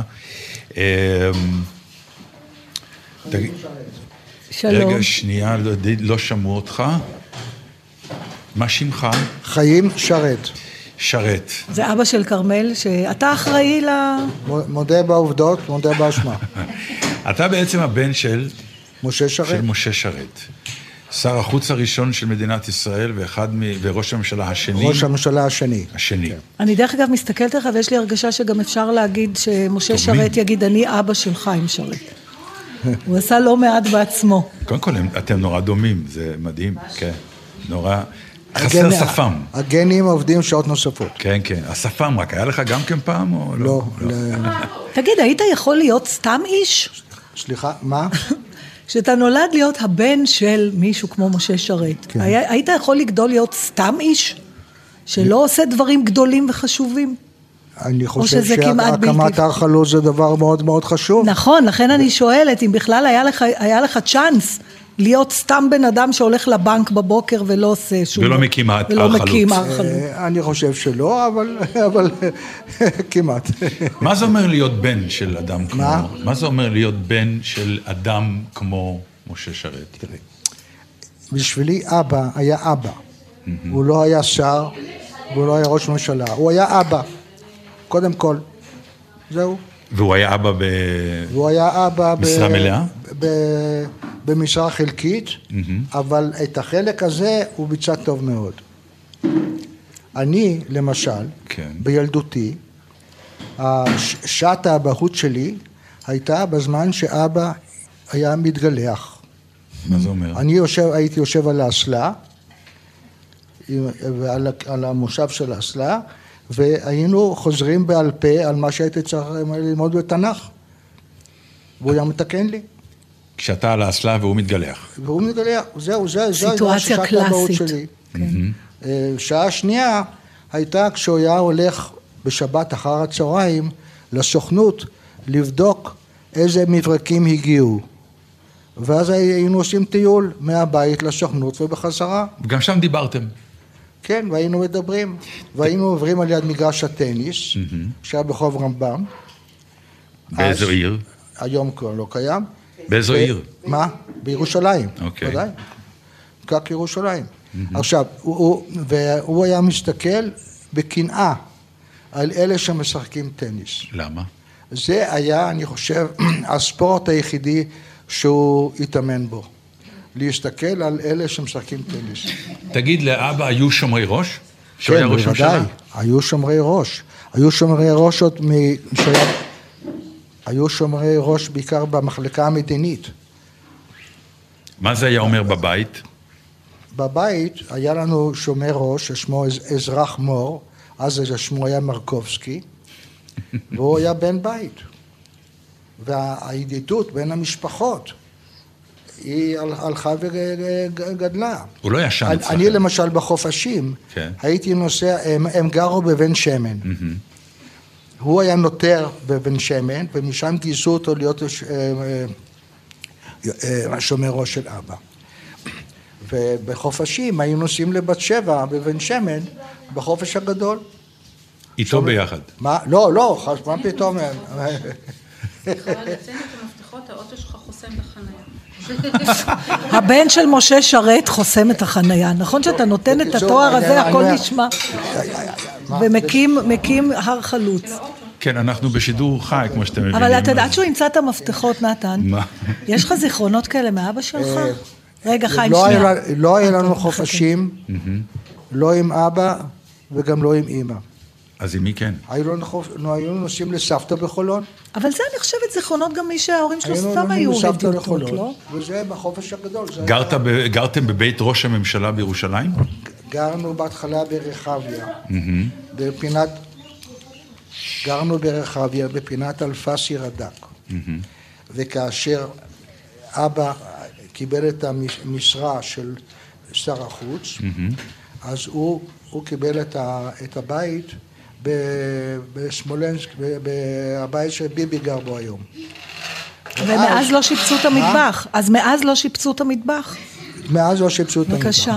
בקיצור, אה, ו- ואת הדירה, ב- את הדירה באלפסי, פינת רד"ק, אגב, אחותי כתבה ספר לילדים, אלפסי פינת רד"ק, ואני ממליץ אותו לכל ההורים לרכוש אותו לילדים שלהם. מאוד מעניין. אה, אז אה, כשהוא הוא קיבל דמי מפתח בעד הדירה, ואז הוא חילק את זה בין המחנות העולים, התנועה המאוחדת והנוער העובד.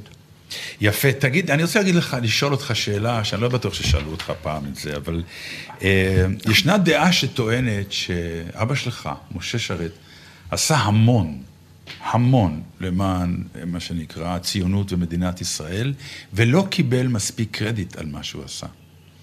אתה יכול להתחלק עם המחשבה הזאת? אני אגיד לך במאמר רגע, שנייה, מוסגר, כן, לשמוע. בהמשך, בהמשך, מאיפה זה בא, אנחנו, כשידענו שתהיה פה, אז אנחנו אה, הסתכלנו קצת בדרך, באינטרנט, לקרוא קצת על אבא. עכשיו, נתן קצת ידע יותר, ואני, ואני בן אדם שיש לו קצת ידע, בוא נגיד כמו של כולם, ולפחות ארבע פעמים אמרתי, וואו, גם את זה הוא עשה, וואו, גם את זה.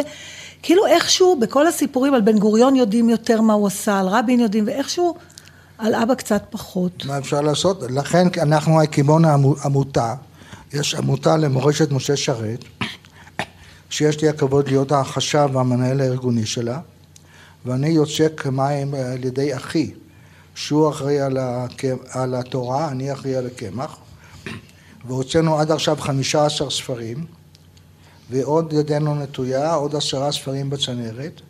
אבל אתה יודע על מה אנחנו מדברים? רגע, ואני אגיד לך מה הדברים החשובים ביותר שהוא עשה. אפשר לחלק את זה בין, בין טרום המדינה והמדינה. אנחנו לא ניכנס לזה עכשיו. דברים אנחנו לא שאפשר ניכנס, לקרוא אנחנו ב- יודעים אותם. אנחנו אני מדבר על העניין המשפחתי האישי שלך, כילד של משה שרת. כן. האם הרגשת את התחושה הזאת בבית? האם, האם אבא שלך באמת חשב גם כן מה שאנחנו כרגע אמרנו, או האם שהוא היה הרגיש? תסכול מסוים? או היה לא. תסכול או משהו? הוא ש- לא התבטא. הוא מעולם לא התבטא על חוסר הקרדיט שהוא... ואימא? אימא גם כן לא דיברה. לא אמרה כלום? לא אמרה, משה, תגיד כבר שזה. אתה. מה? ביניהם ייתכן שהם דיברו, אבל הילדים היו, היינו מדורים. לא, לא, ממודרים. אז מ- מתי- ממודרים, ממו- סליחה, כן. ממודרים. עכשיו, הרגשנו שאבא עושה ב- ב- ב- ב- במשרה חשובה. וקיבלנו, כל הזמן היינו ערים לדברים הגדולים שהוא עשה. למשל, אה, הקמת יישובי חומה ומגדל. זה צריך לזקוף לזכותו. הקמת הבריגדה.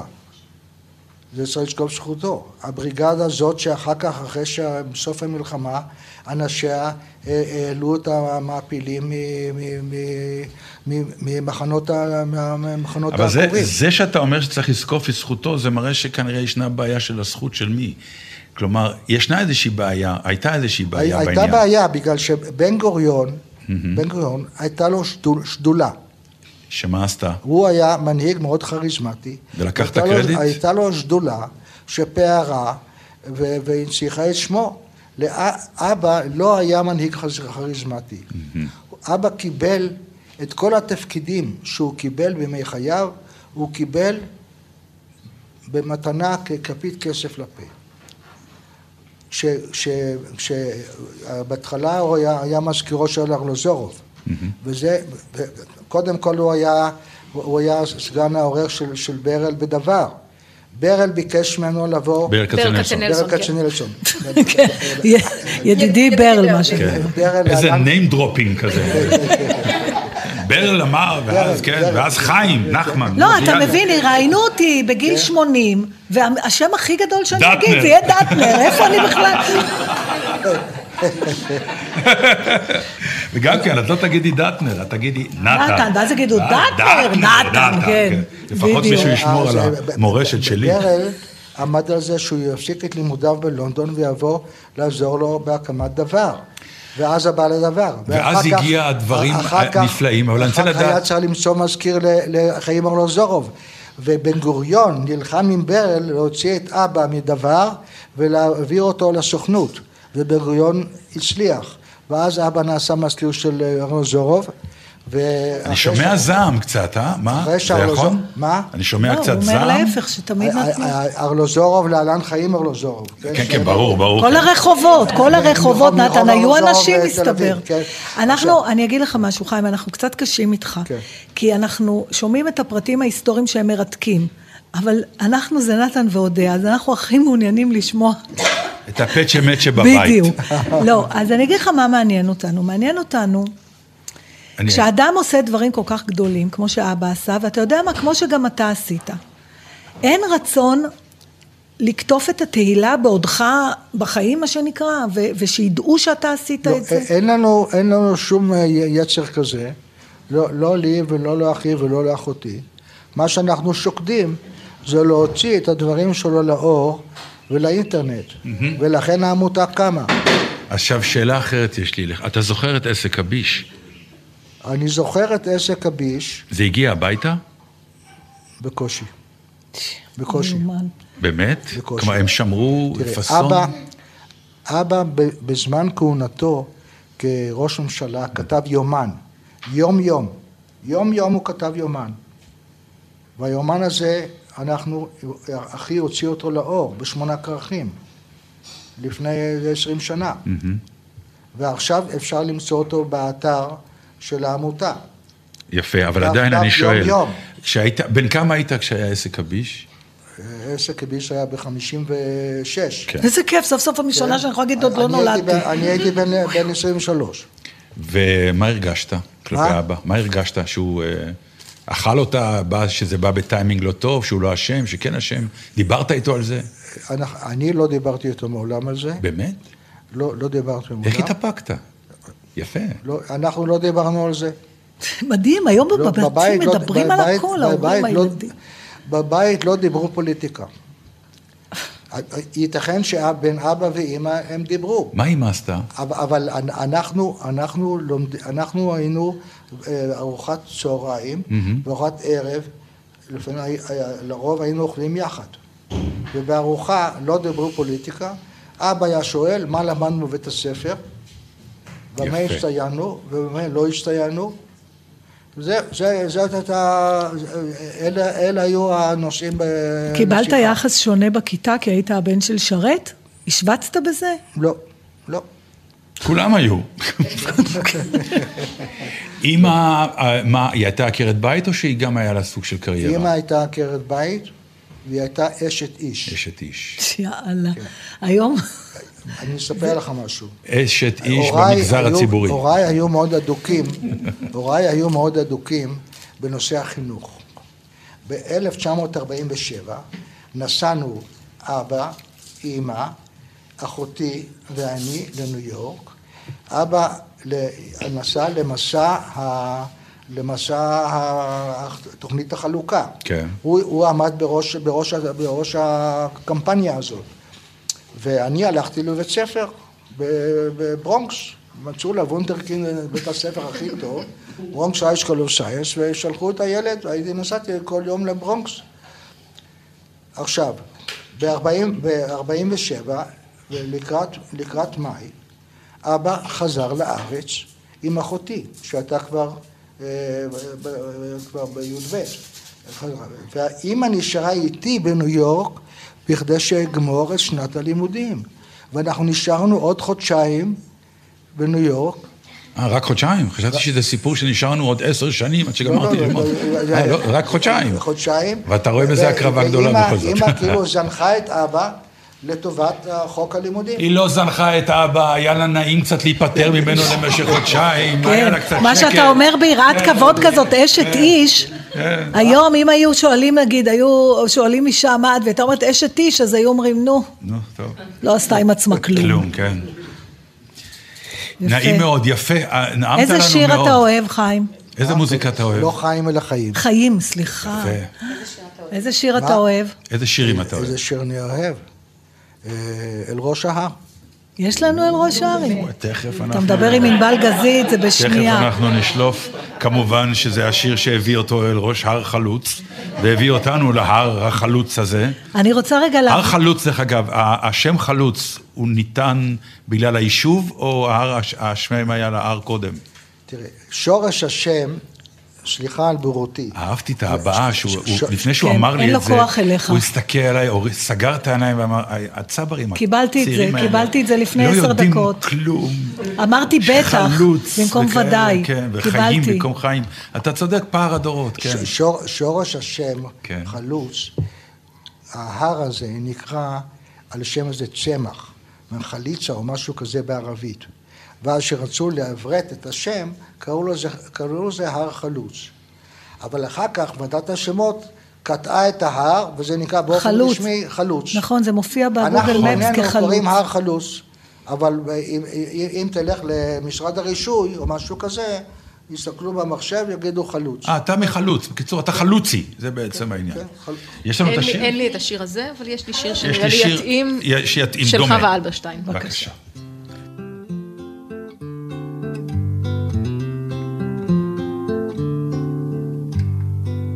יכולתי הייתי ענן, צחור או אפור לא אכפת, הייתי נוטש את ביתי הקטן ומרחף בשמיים לבד.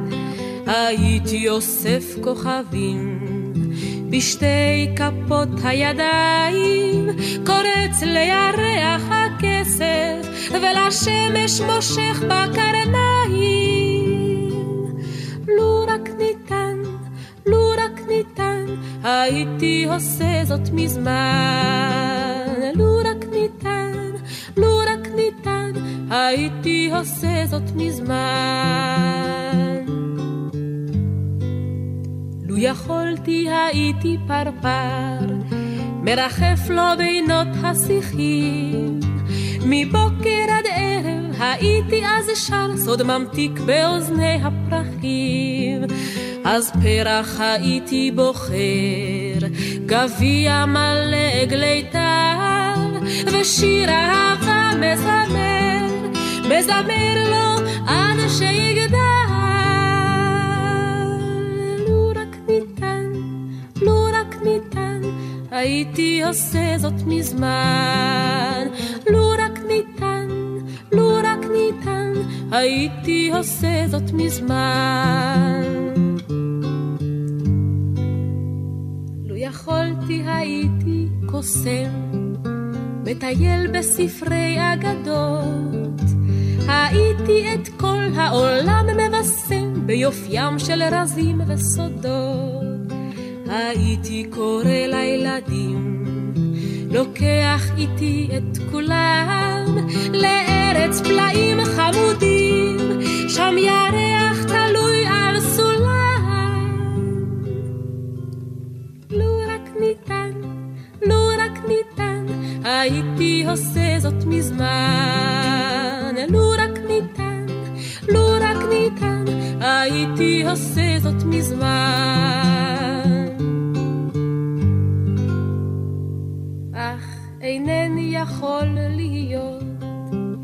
לא פרפר, לא ענן, לא קוסם.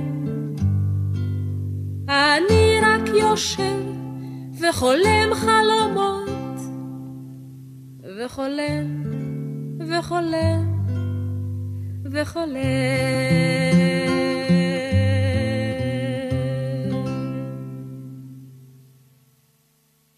זהו. לא, אפשר היה זה- להשמיע גם את הצווחת שקט בבית שנתתם שקט פה. בבית, זה מינו, מי יודע מאיפה זה? מאיפה זה? שקט בבית! לא קרה. מה, שקט אה, בבית. נכון. מלול, נכון? אור- אורי זוהר שרוצה לראות עם הבן שלו משחק כדורגל, ואז הוא מקבל את האופרה. אה. למרמור של פרלש. של פרלש. אפרופו כל... אה, חיים, אתה- חיים, אתה רוצה להגיד עוד משהו? כן, עוד איזה משפט אחד. לתוך המיקרופון בבקשה. זה כן המיקרופון. לא, אתה שומעים אותך ברדיו, זה אין אצלנו שום דבר ערוך. אתם אמרתם שקט בבית. דודי יהודה היה אומר, יוש לך הס. הס. יוש לך הס. אה, יוש לך הס. עכשיו, רציתי. להגיד, יוש לך הס. להזכיר כן. משפט, משפטון איזה אחד. יופי, אני רוצה גם כל שנגיד את זה. מחשבותיו, הגיגיו, תסכוליו, מאווייו של אבא, ישנם ביומן האישי, שאם תעשו בגוגל משה שרת, יפנו אתכם לאתר של משה שרת, תיכנסו לאתר, ליומן, ותוכלו לעבור יום-יום מה הוא אמר, תוכלו גם לחפש לפי מילה, למשל משה דיין, נהדר. יראה לכם את כל המקומות שמשה. דיין רשום ב... ב- תגיד, מה אתה אומר? נתן יכול לגלם, אם יעשו הצגה על החיים של אבא, נתן יכול להיות אבא? למה לא? אה, למה לא זה לא? אתה תהיה הרע לא בסיפור. אמר. כן, בטח, הוא אמר. למה לא? אתה תהיה בן גוריון עם ה... עם ה... איך קראת לזה? לא לובי, עם השדולה שלו. עם השדולה. הוא גבוה מדי בשביל להיות בן גוריון. הוא יהיה בן גוריון לרוחב. אני רוצה לדבר, אפרופו, אתה עוף, כן. אתה לא עוף בכלל. פתאום אתה עוף, פתאום אתה עברת לאנגלית, יפה. לפני שנייה זה במקום חיים, חיים, עכשיו אני עוף.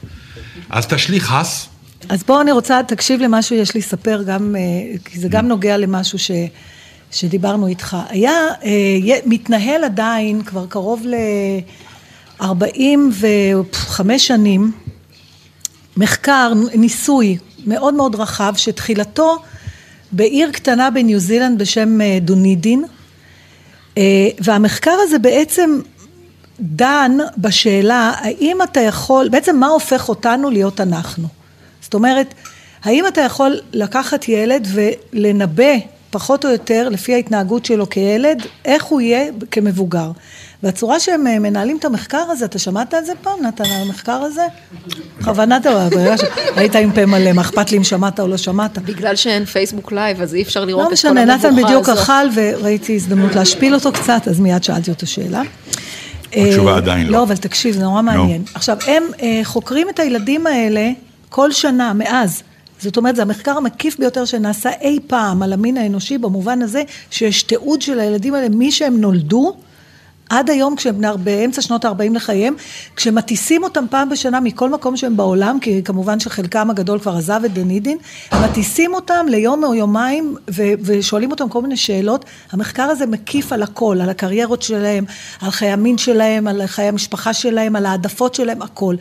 וכל הזמן בעצם משחררים עוד ועוד נתונים שמוסקים מתוך המחקר הזה, על אה, האם אפשר בכלל לנבא כן, כבר מה אני דיברת אהיה. פעם על דבר כזה.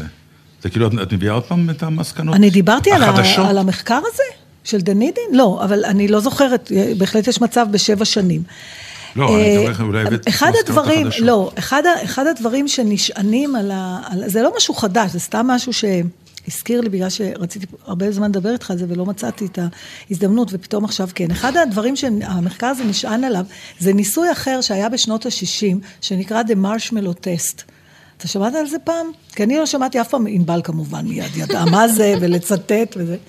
לקחו ילדים קטנים, אני חושבת חמש ארבע, גג. חמש גג, ושמו לכל ילד, הכניס אותו לחדר, הוא היה לבד בחדר, שמו לו מרשמלו על הצלחת. ואמר לו הבוחן או הבוחנת, יש לך פה מרשמלו, אני יוצא לכמה רגעים, אם תתאפק ולא תאכל את המרשמלו, אז כשאני אחזור תקבל עוד אחד. ויצאו מהחדר. עכשיו, המטרה של הניסוי הזה זה לבדוק האם הילד יכול לדחות את הסיפוק. קודם כל, יש סרטון שאתה צורח מצחוק, ביקשתי מענבל שתעלה אותו לפייסבוק, שהם צילמו את הילדים. תקשיב, הניסיונות שלהם של ההתאפקות, הם מריחים את המרמלו, וחלק הם רק נוגעים בו, ויש איזה ילד, ילדה אחת שפשוט גולשת מתחת לשולחן כדי לא להיות במגע עין עם הפיתוי. של הדבר הזה. וכמובן שיש ילדה אחת שפשוט דחפה את כל המרשמלו בי, ב, ב, לפה בלי לחכות שנייה, והיא כמובן הייתה ג'ינג'ית. פשוט אתה רואה את כל הילדים ומתייסרים ומנסים, רוב הילדים, נדמה לי ש-75% לא יכלו להתאפק ו-25% כן יכלו להתאפק, והם גילו קשר ישיר בין יכולת התחיית סיפוקים של הילדים למה שהיה להם בבגרותם.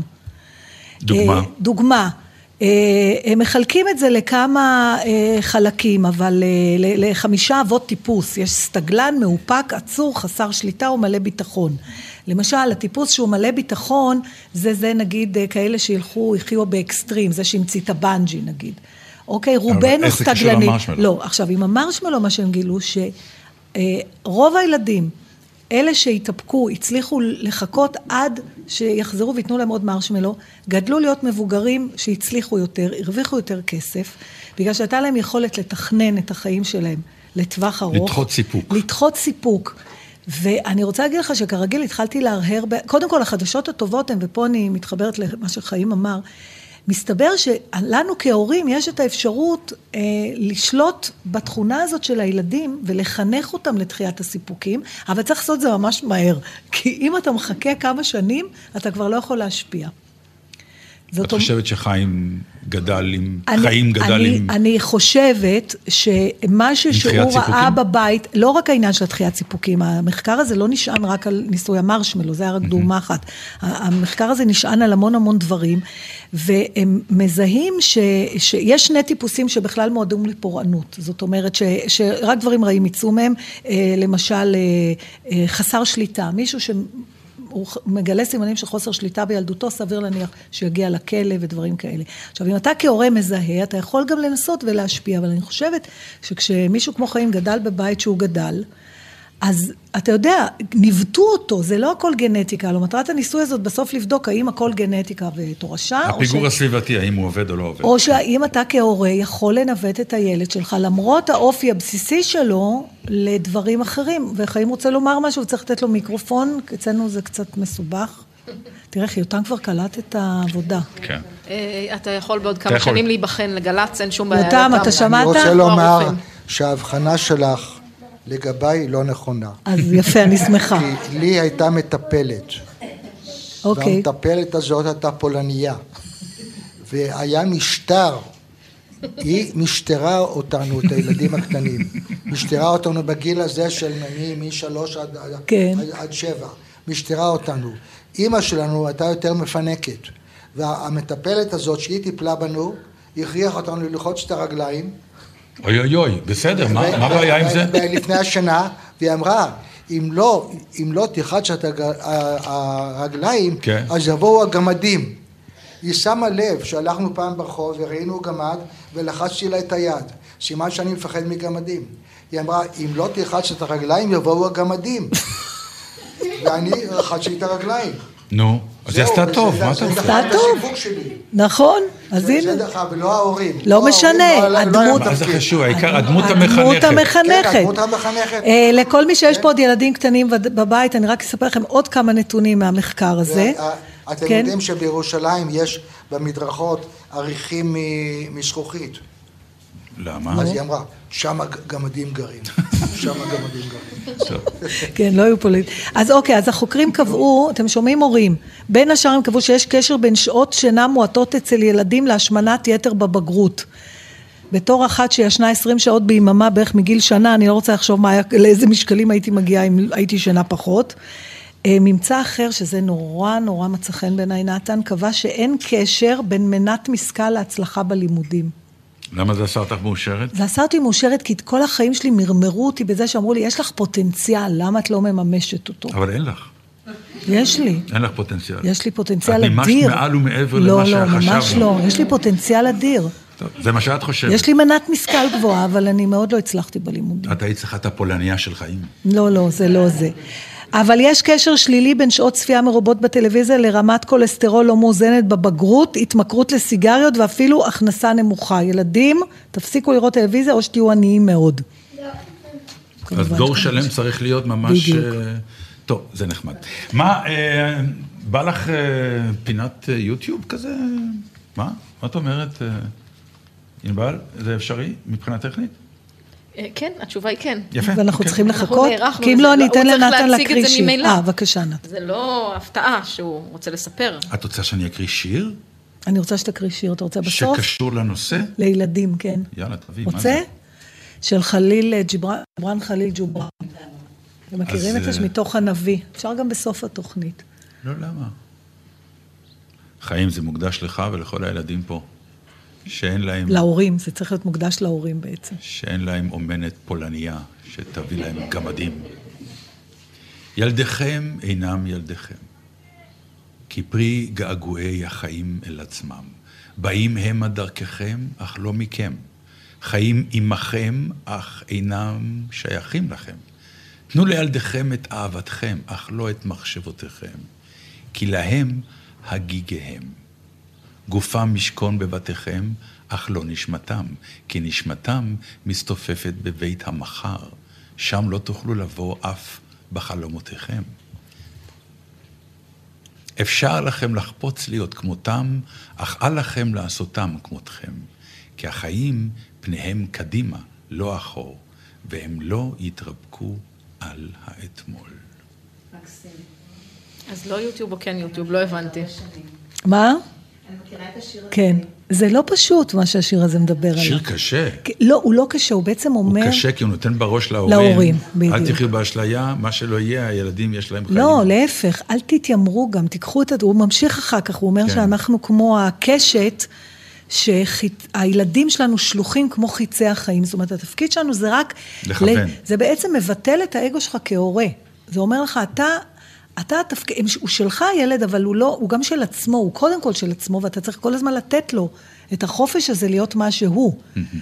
אמ, אני לא מצליחה בזה, אבל אולי בהר חלוץ, עם כל האוויר הצח, יכולים לשחרר את הילדים. מה יש ביוטיוב? אני, זו, שאלה, אם אתה רוצה עכשיו את היוטיוב. כיוונתי. מה זה אם עכשיו? עד מתי נהיה פה? יש עוד איזה רבע שעה, יאללה, עשרים דקות. עכשיו, נו. נתן, כרוץ. יאללה, טוב. אה, הופה, אנחנו עוברים...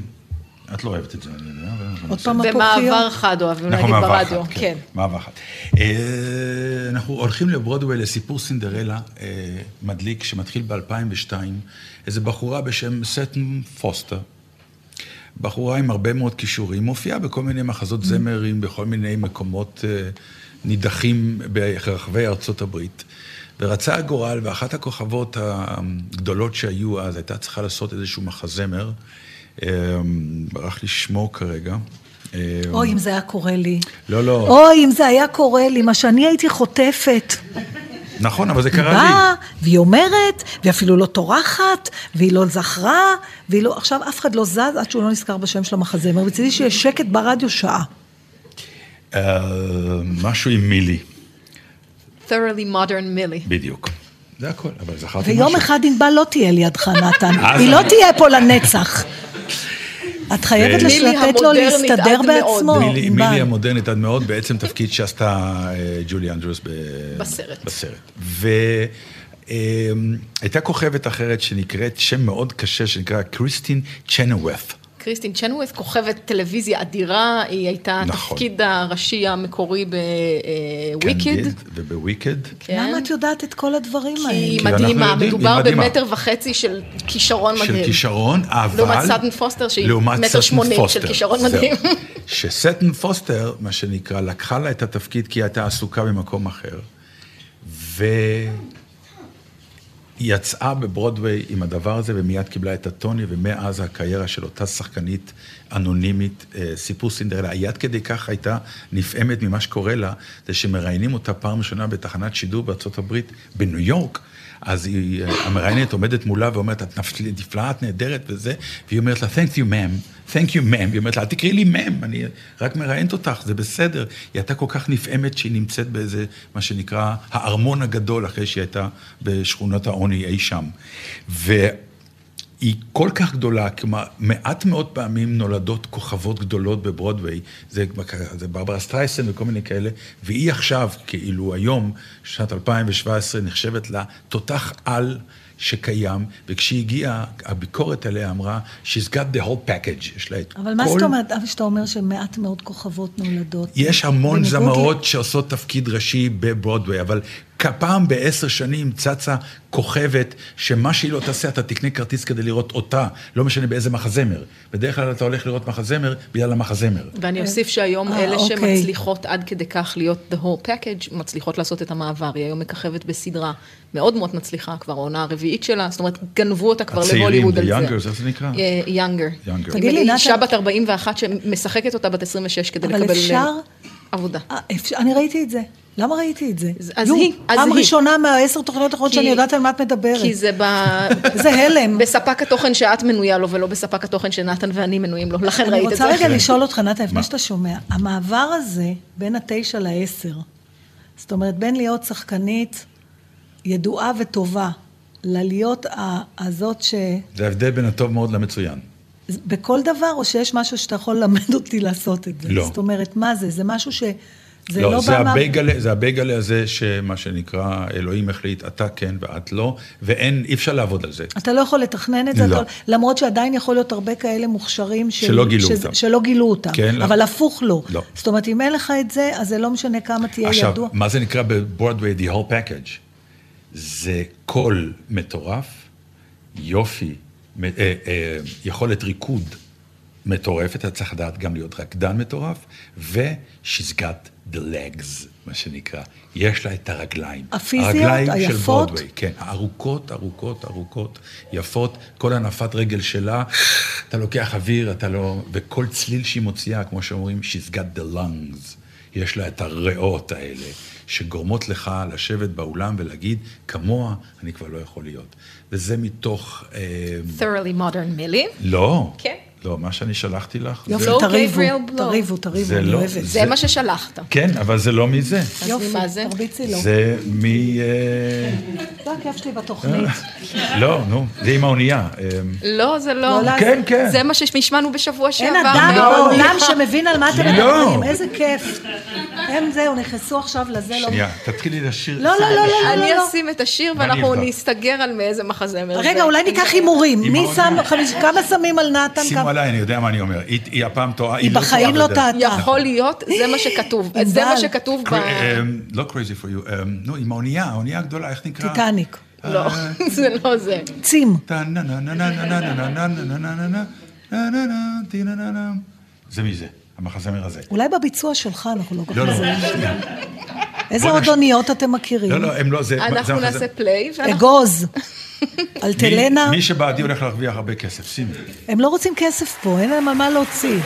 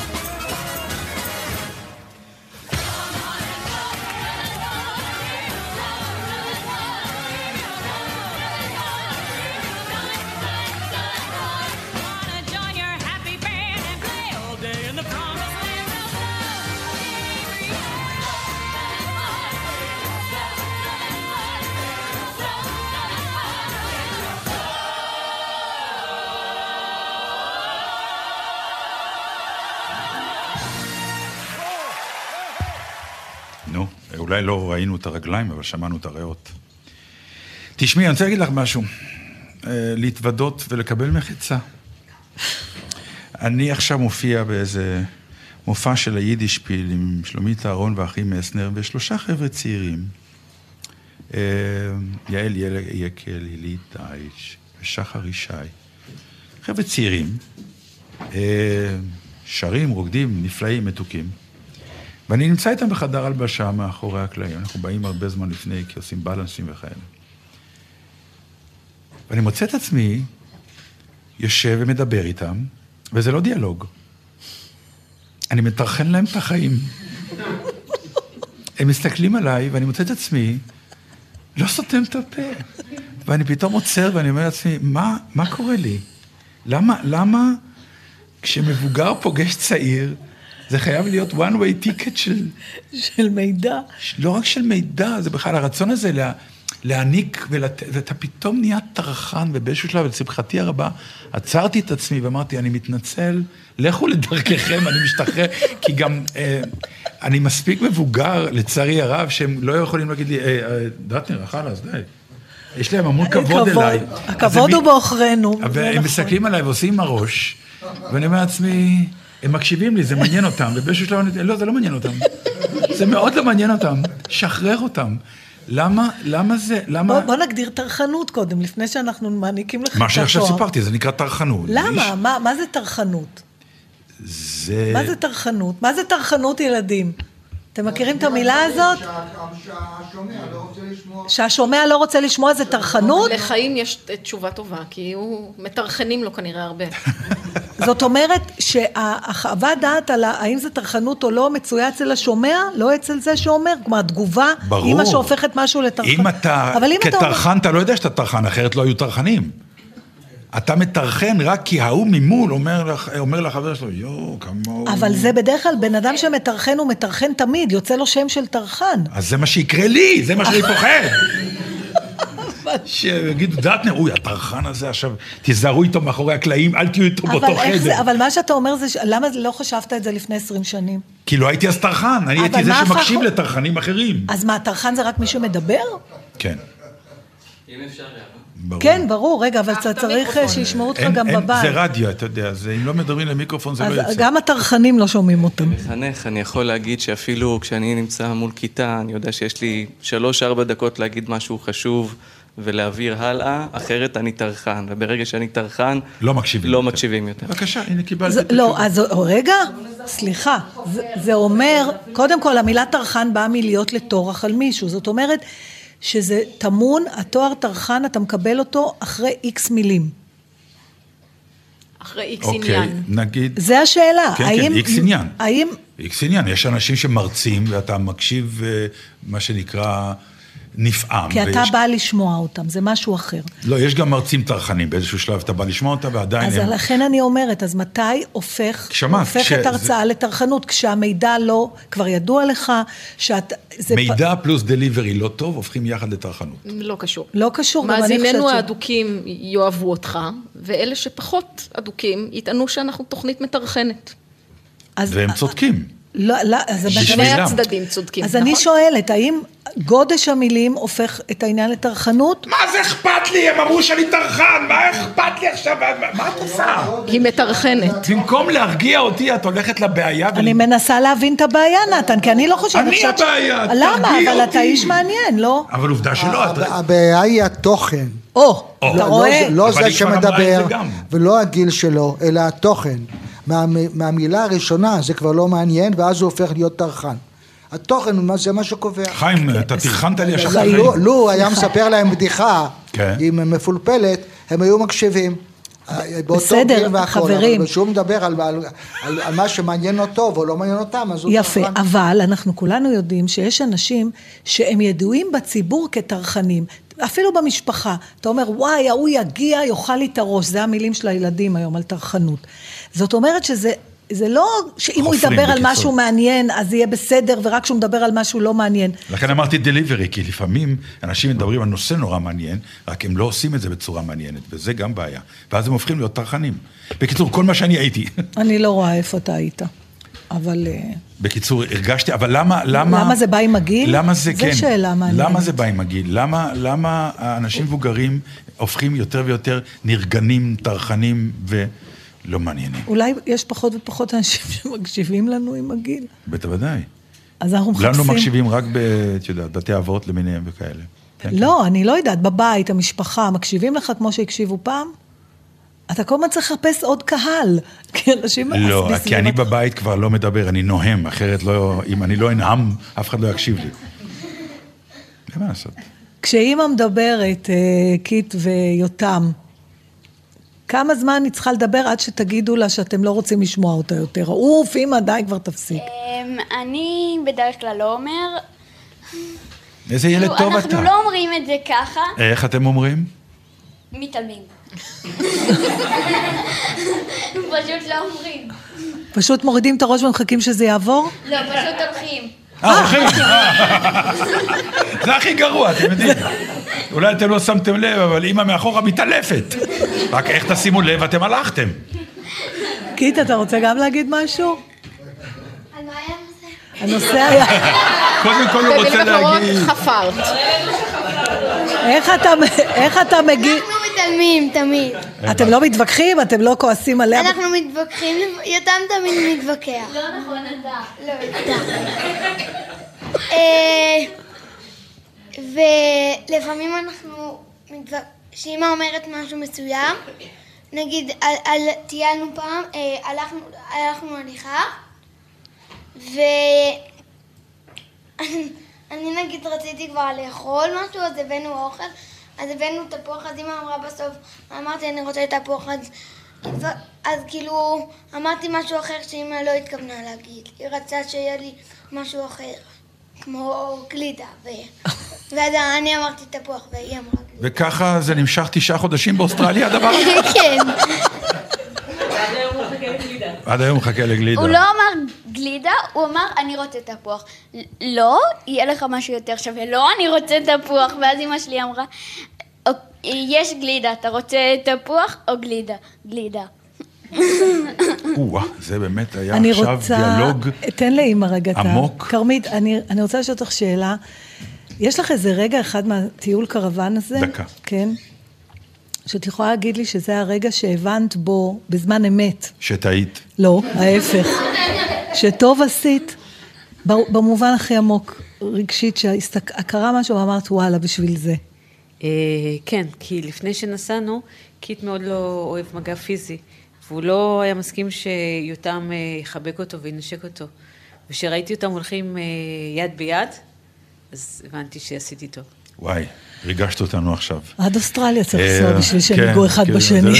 הגעת כבר להר חלוץ, לא יכלת פה ללכת אה, בשבילים, אה. אולי זה יקרה להם. או כל אחד הולך לחברים שלו. הבנתי. עד כאן אנחנו עם אודיה הקורא, נתן דרטנר, ענבל גזית, ועל הביצוע הטכני גרם ג'קסון ומיכאל אבו ויחזקאל אמבר, והעורך הדיגיטלי מייקי לוי, המפיקה נעמי שניידר, באולפן ביפו נוגה אבירן ותום נשר, ושי לביא, בפיקוח הטכני מני ציפל ודני אור.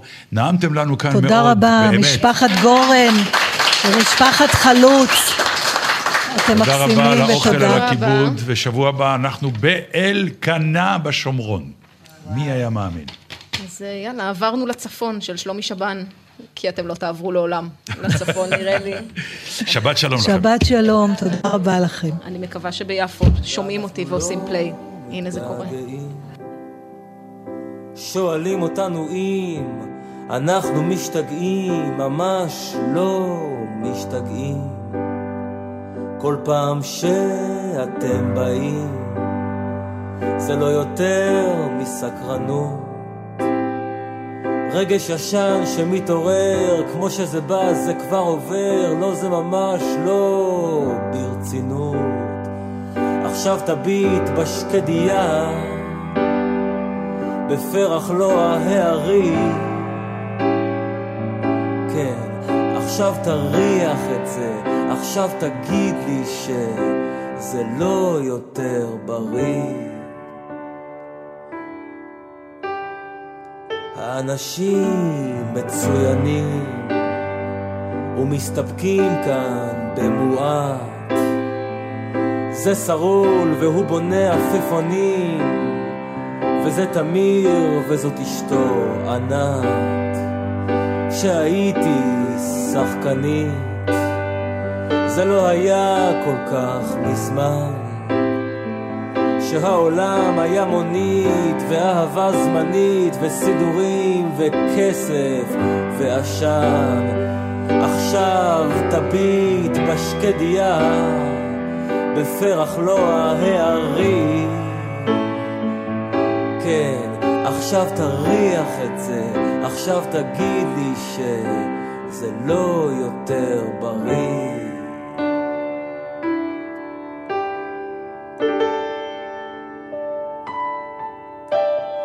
לא